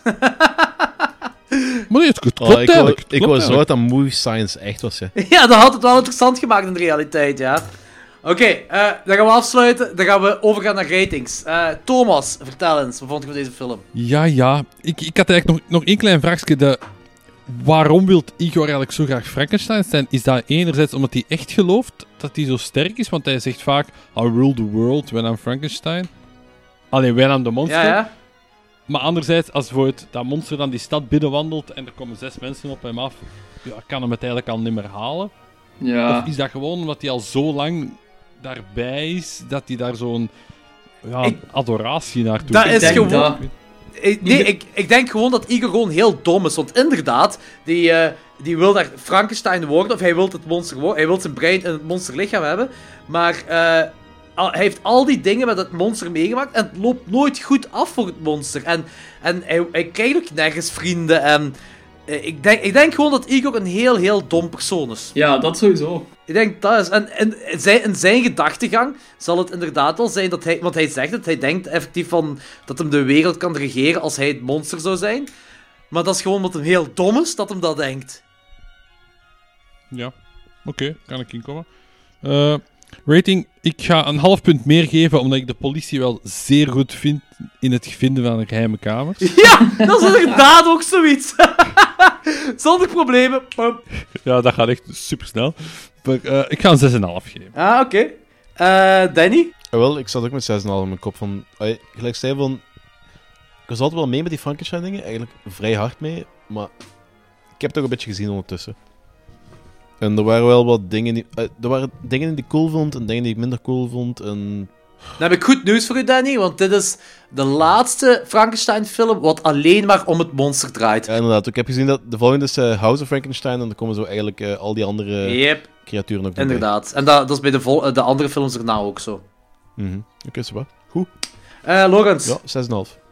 Ehm goh, het gaat heel slecht dingen, maar ik geef hem 5 op 10. Oeh, dat is inderdaad wel eh, heel weinig. Ja, ik was zo verveeld tijdens heel de film en het kon me gewoon niet meer boeien, omdat het praktisch gewoon opnieuw hetzelfde verhaal is, maar Frankenstein is minder boeiend. Maar dit was ook de eerste keer dat je hem zag dan. Ja, dit was de eerste keer dat ik hem zie. Ja, heb je Son ook gezien? Nee, Son heb ik niet gezien. Ah, ik heb ja, enkel de originele en Bride gezien. Ah, oké, oké. Ja. Ehm, en die vond ik zo fantastisch dat ik deze ja, ook wel aan een heel hoog standaard eigenlijk zet. En dat was het wel een grote teleurstelling, vond ik. Eh, ja, oké. Ik, heb, eh, ik heb deze film denk ik al tien keer gezien of zo.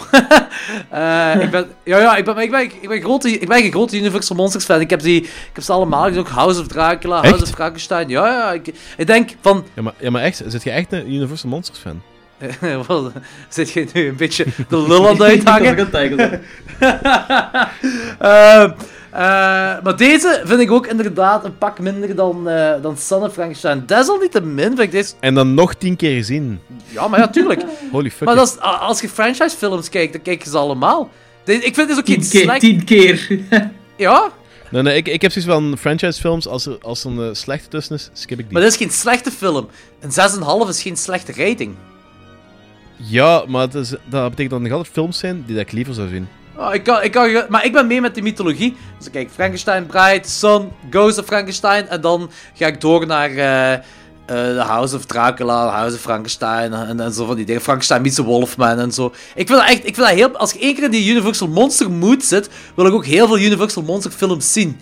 En dan kijk ik ook meer. Daarmee dat ik ook zo, want eh, na de... wat, had ik gezien weer? Ah, The Wolfman. Ik ben onmiddellijk na The Wolfman de Mummy's Tomb gaan zien. Gewoon omdat Lon Chaney Jr. erin meedoet.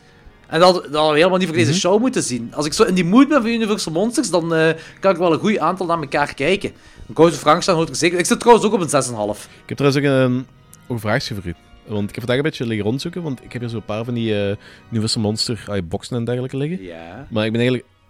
Is er eigenlijk een degelijke verzamelaar op Blu-ray met een shitload aan van die films? Want het beste wat ik heb gevonden was een eh, verzamelaar van, ik denk, van iets van 30 films. Maar dat is op DVD. Dat is het beste wat ik heb gevonden. En voor de rest was er onlangs, een, ehm, of een paar maanden geleden, of eh, vorig jaar of dergelijke, een Blu-ray collectie met acht films. Maar ik wil zo meer dan enkel zo de basics. Kijk, hetgeen wat tot nu toe uit is, is die, film met die, eh, die box met die acht films. Die heb ik hier thuis ook liggen, want die kost tegenwoordig toch niet meer veel. Eh, en daar heb je inderdaad de grote classics in. En, en dan nog de Spaanse Dracula zit er ook nog in. En de Creature from the Black Lagoon, de 3D-versie, zit er volgens mij ook in. En ehm, wat heb je dan nog? Je hebt die Frankenstein-collectie ook, hè, Danny? Ja, Die ja. bestaat ook in Blu-ray. En van Dracula bestaat diezelfde collectie ook in Blu-ray. En eh, van de Mummy ook. Van de Invisible Man nog niet. Ehm, en ik weet dat ze bezig zijn met de Old Dark House op Blu-ray te zetten. Dat is een film van James Whale, dat de Frankenstein-films heeft gemaakt. En eh, de eerste twee Frankenstein-films heeft gemaakt. En The Invisible Man. Eh, hij heeft ook de Old Dark House ge- gemaakt. Ook een heel grote aanrader trouwens. Die zijn ze nu bezig om op Blu-ray om te zetten. Eh, en, maar de Black Cat bijvoorbeeld bestaat niet op Blu-ray. Er zijn heel veel dingen die op Blu-ray zijn uitgekomen. Ja, maar dat is wat bijvoorbeeld gelijk die, eh, 30, eh, die 30 DVD-versie.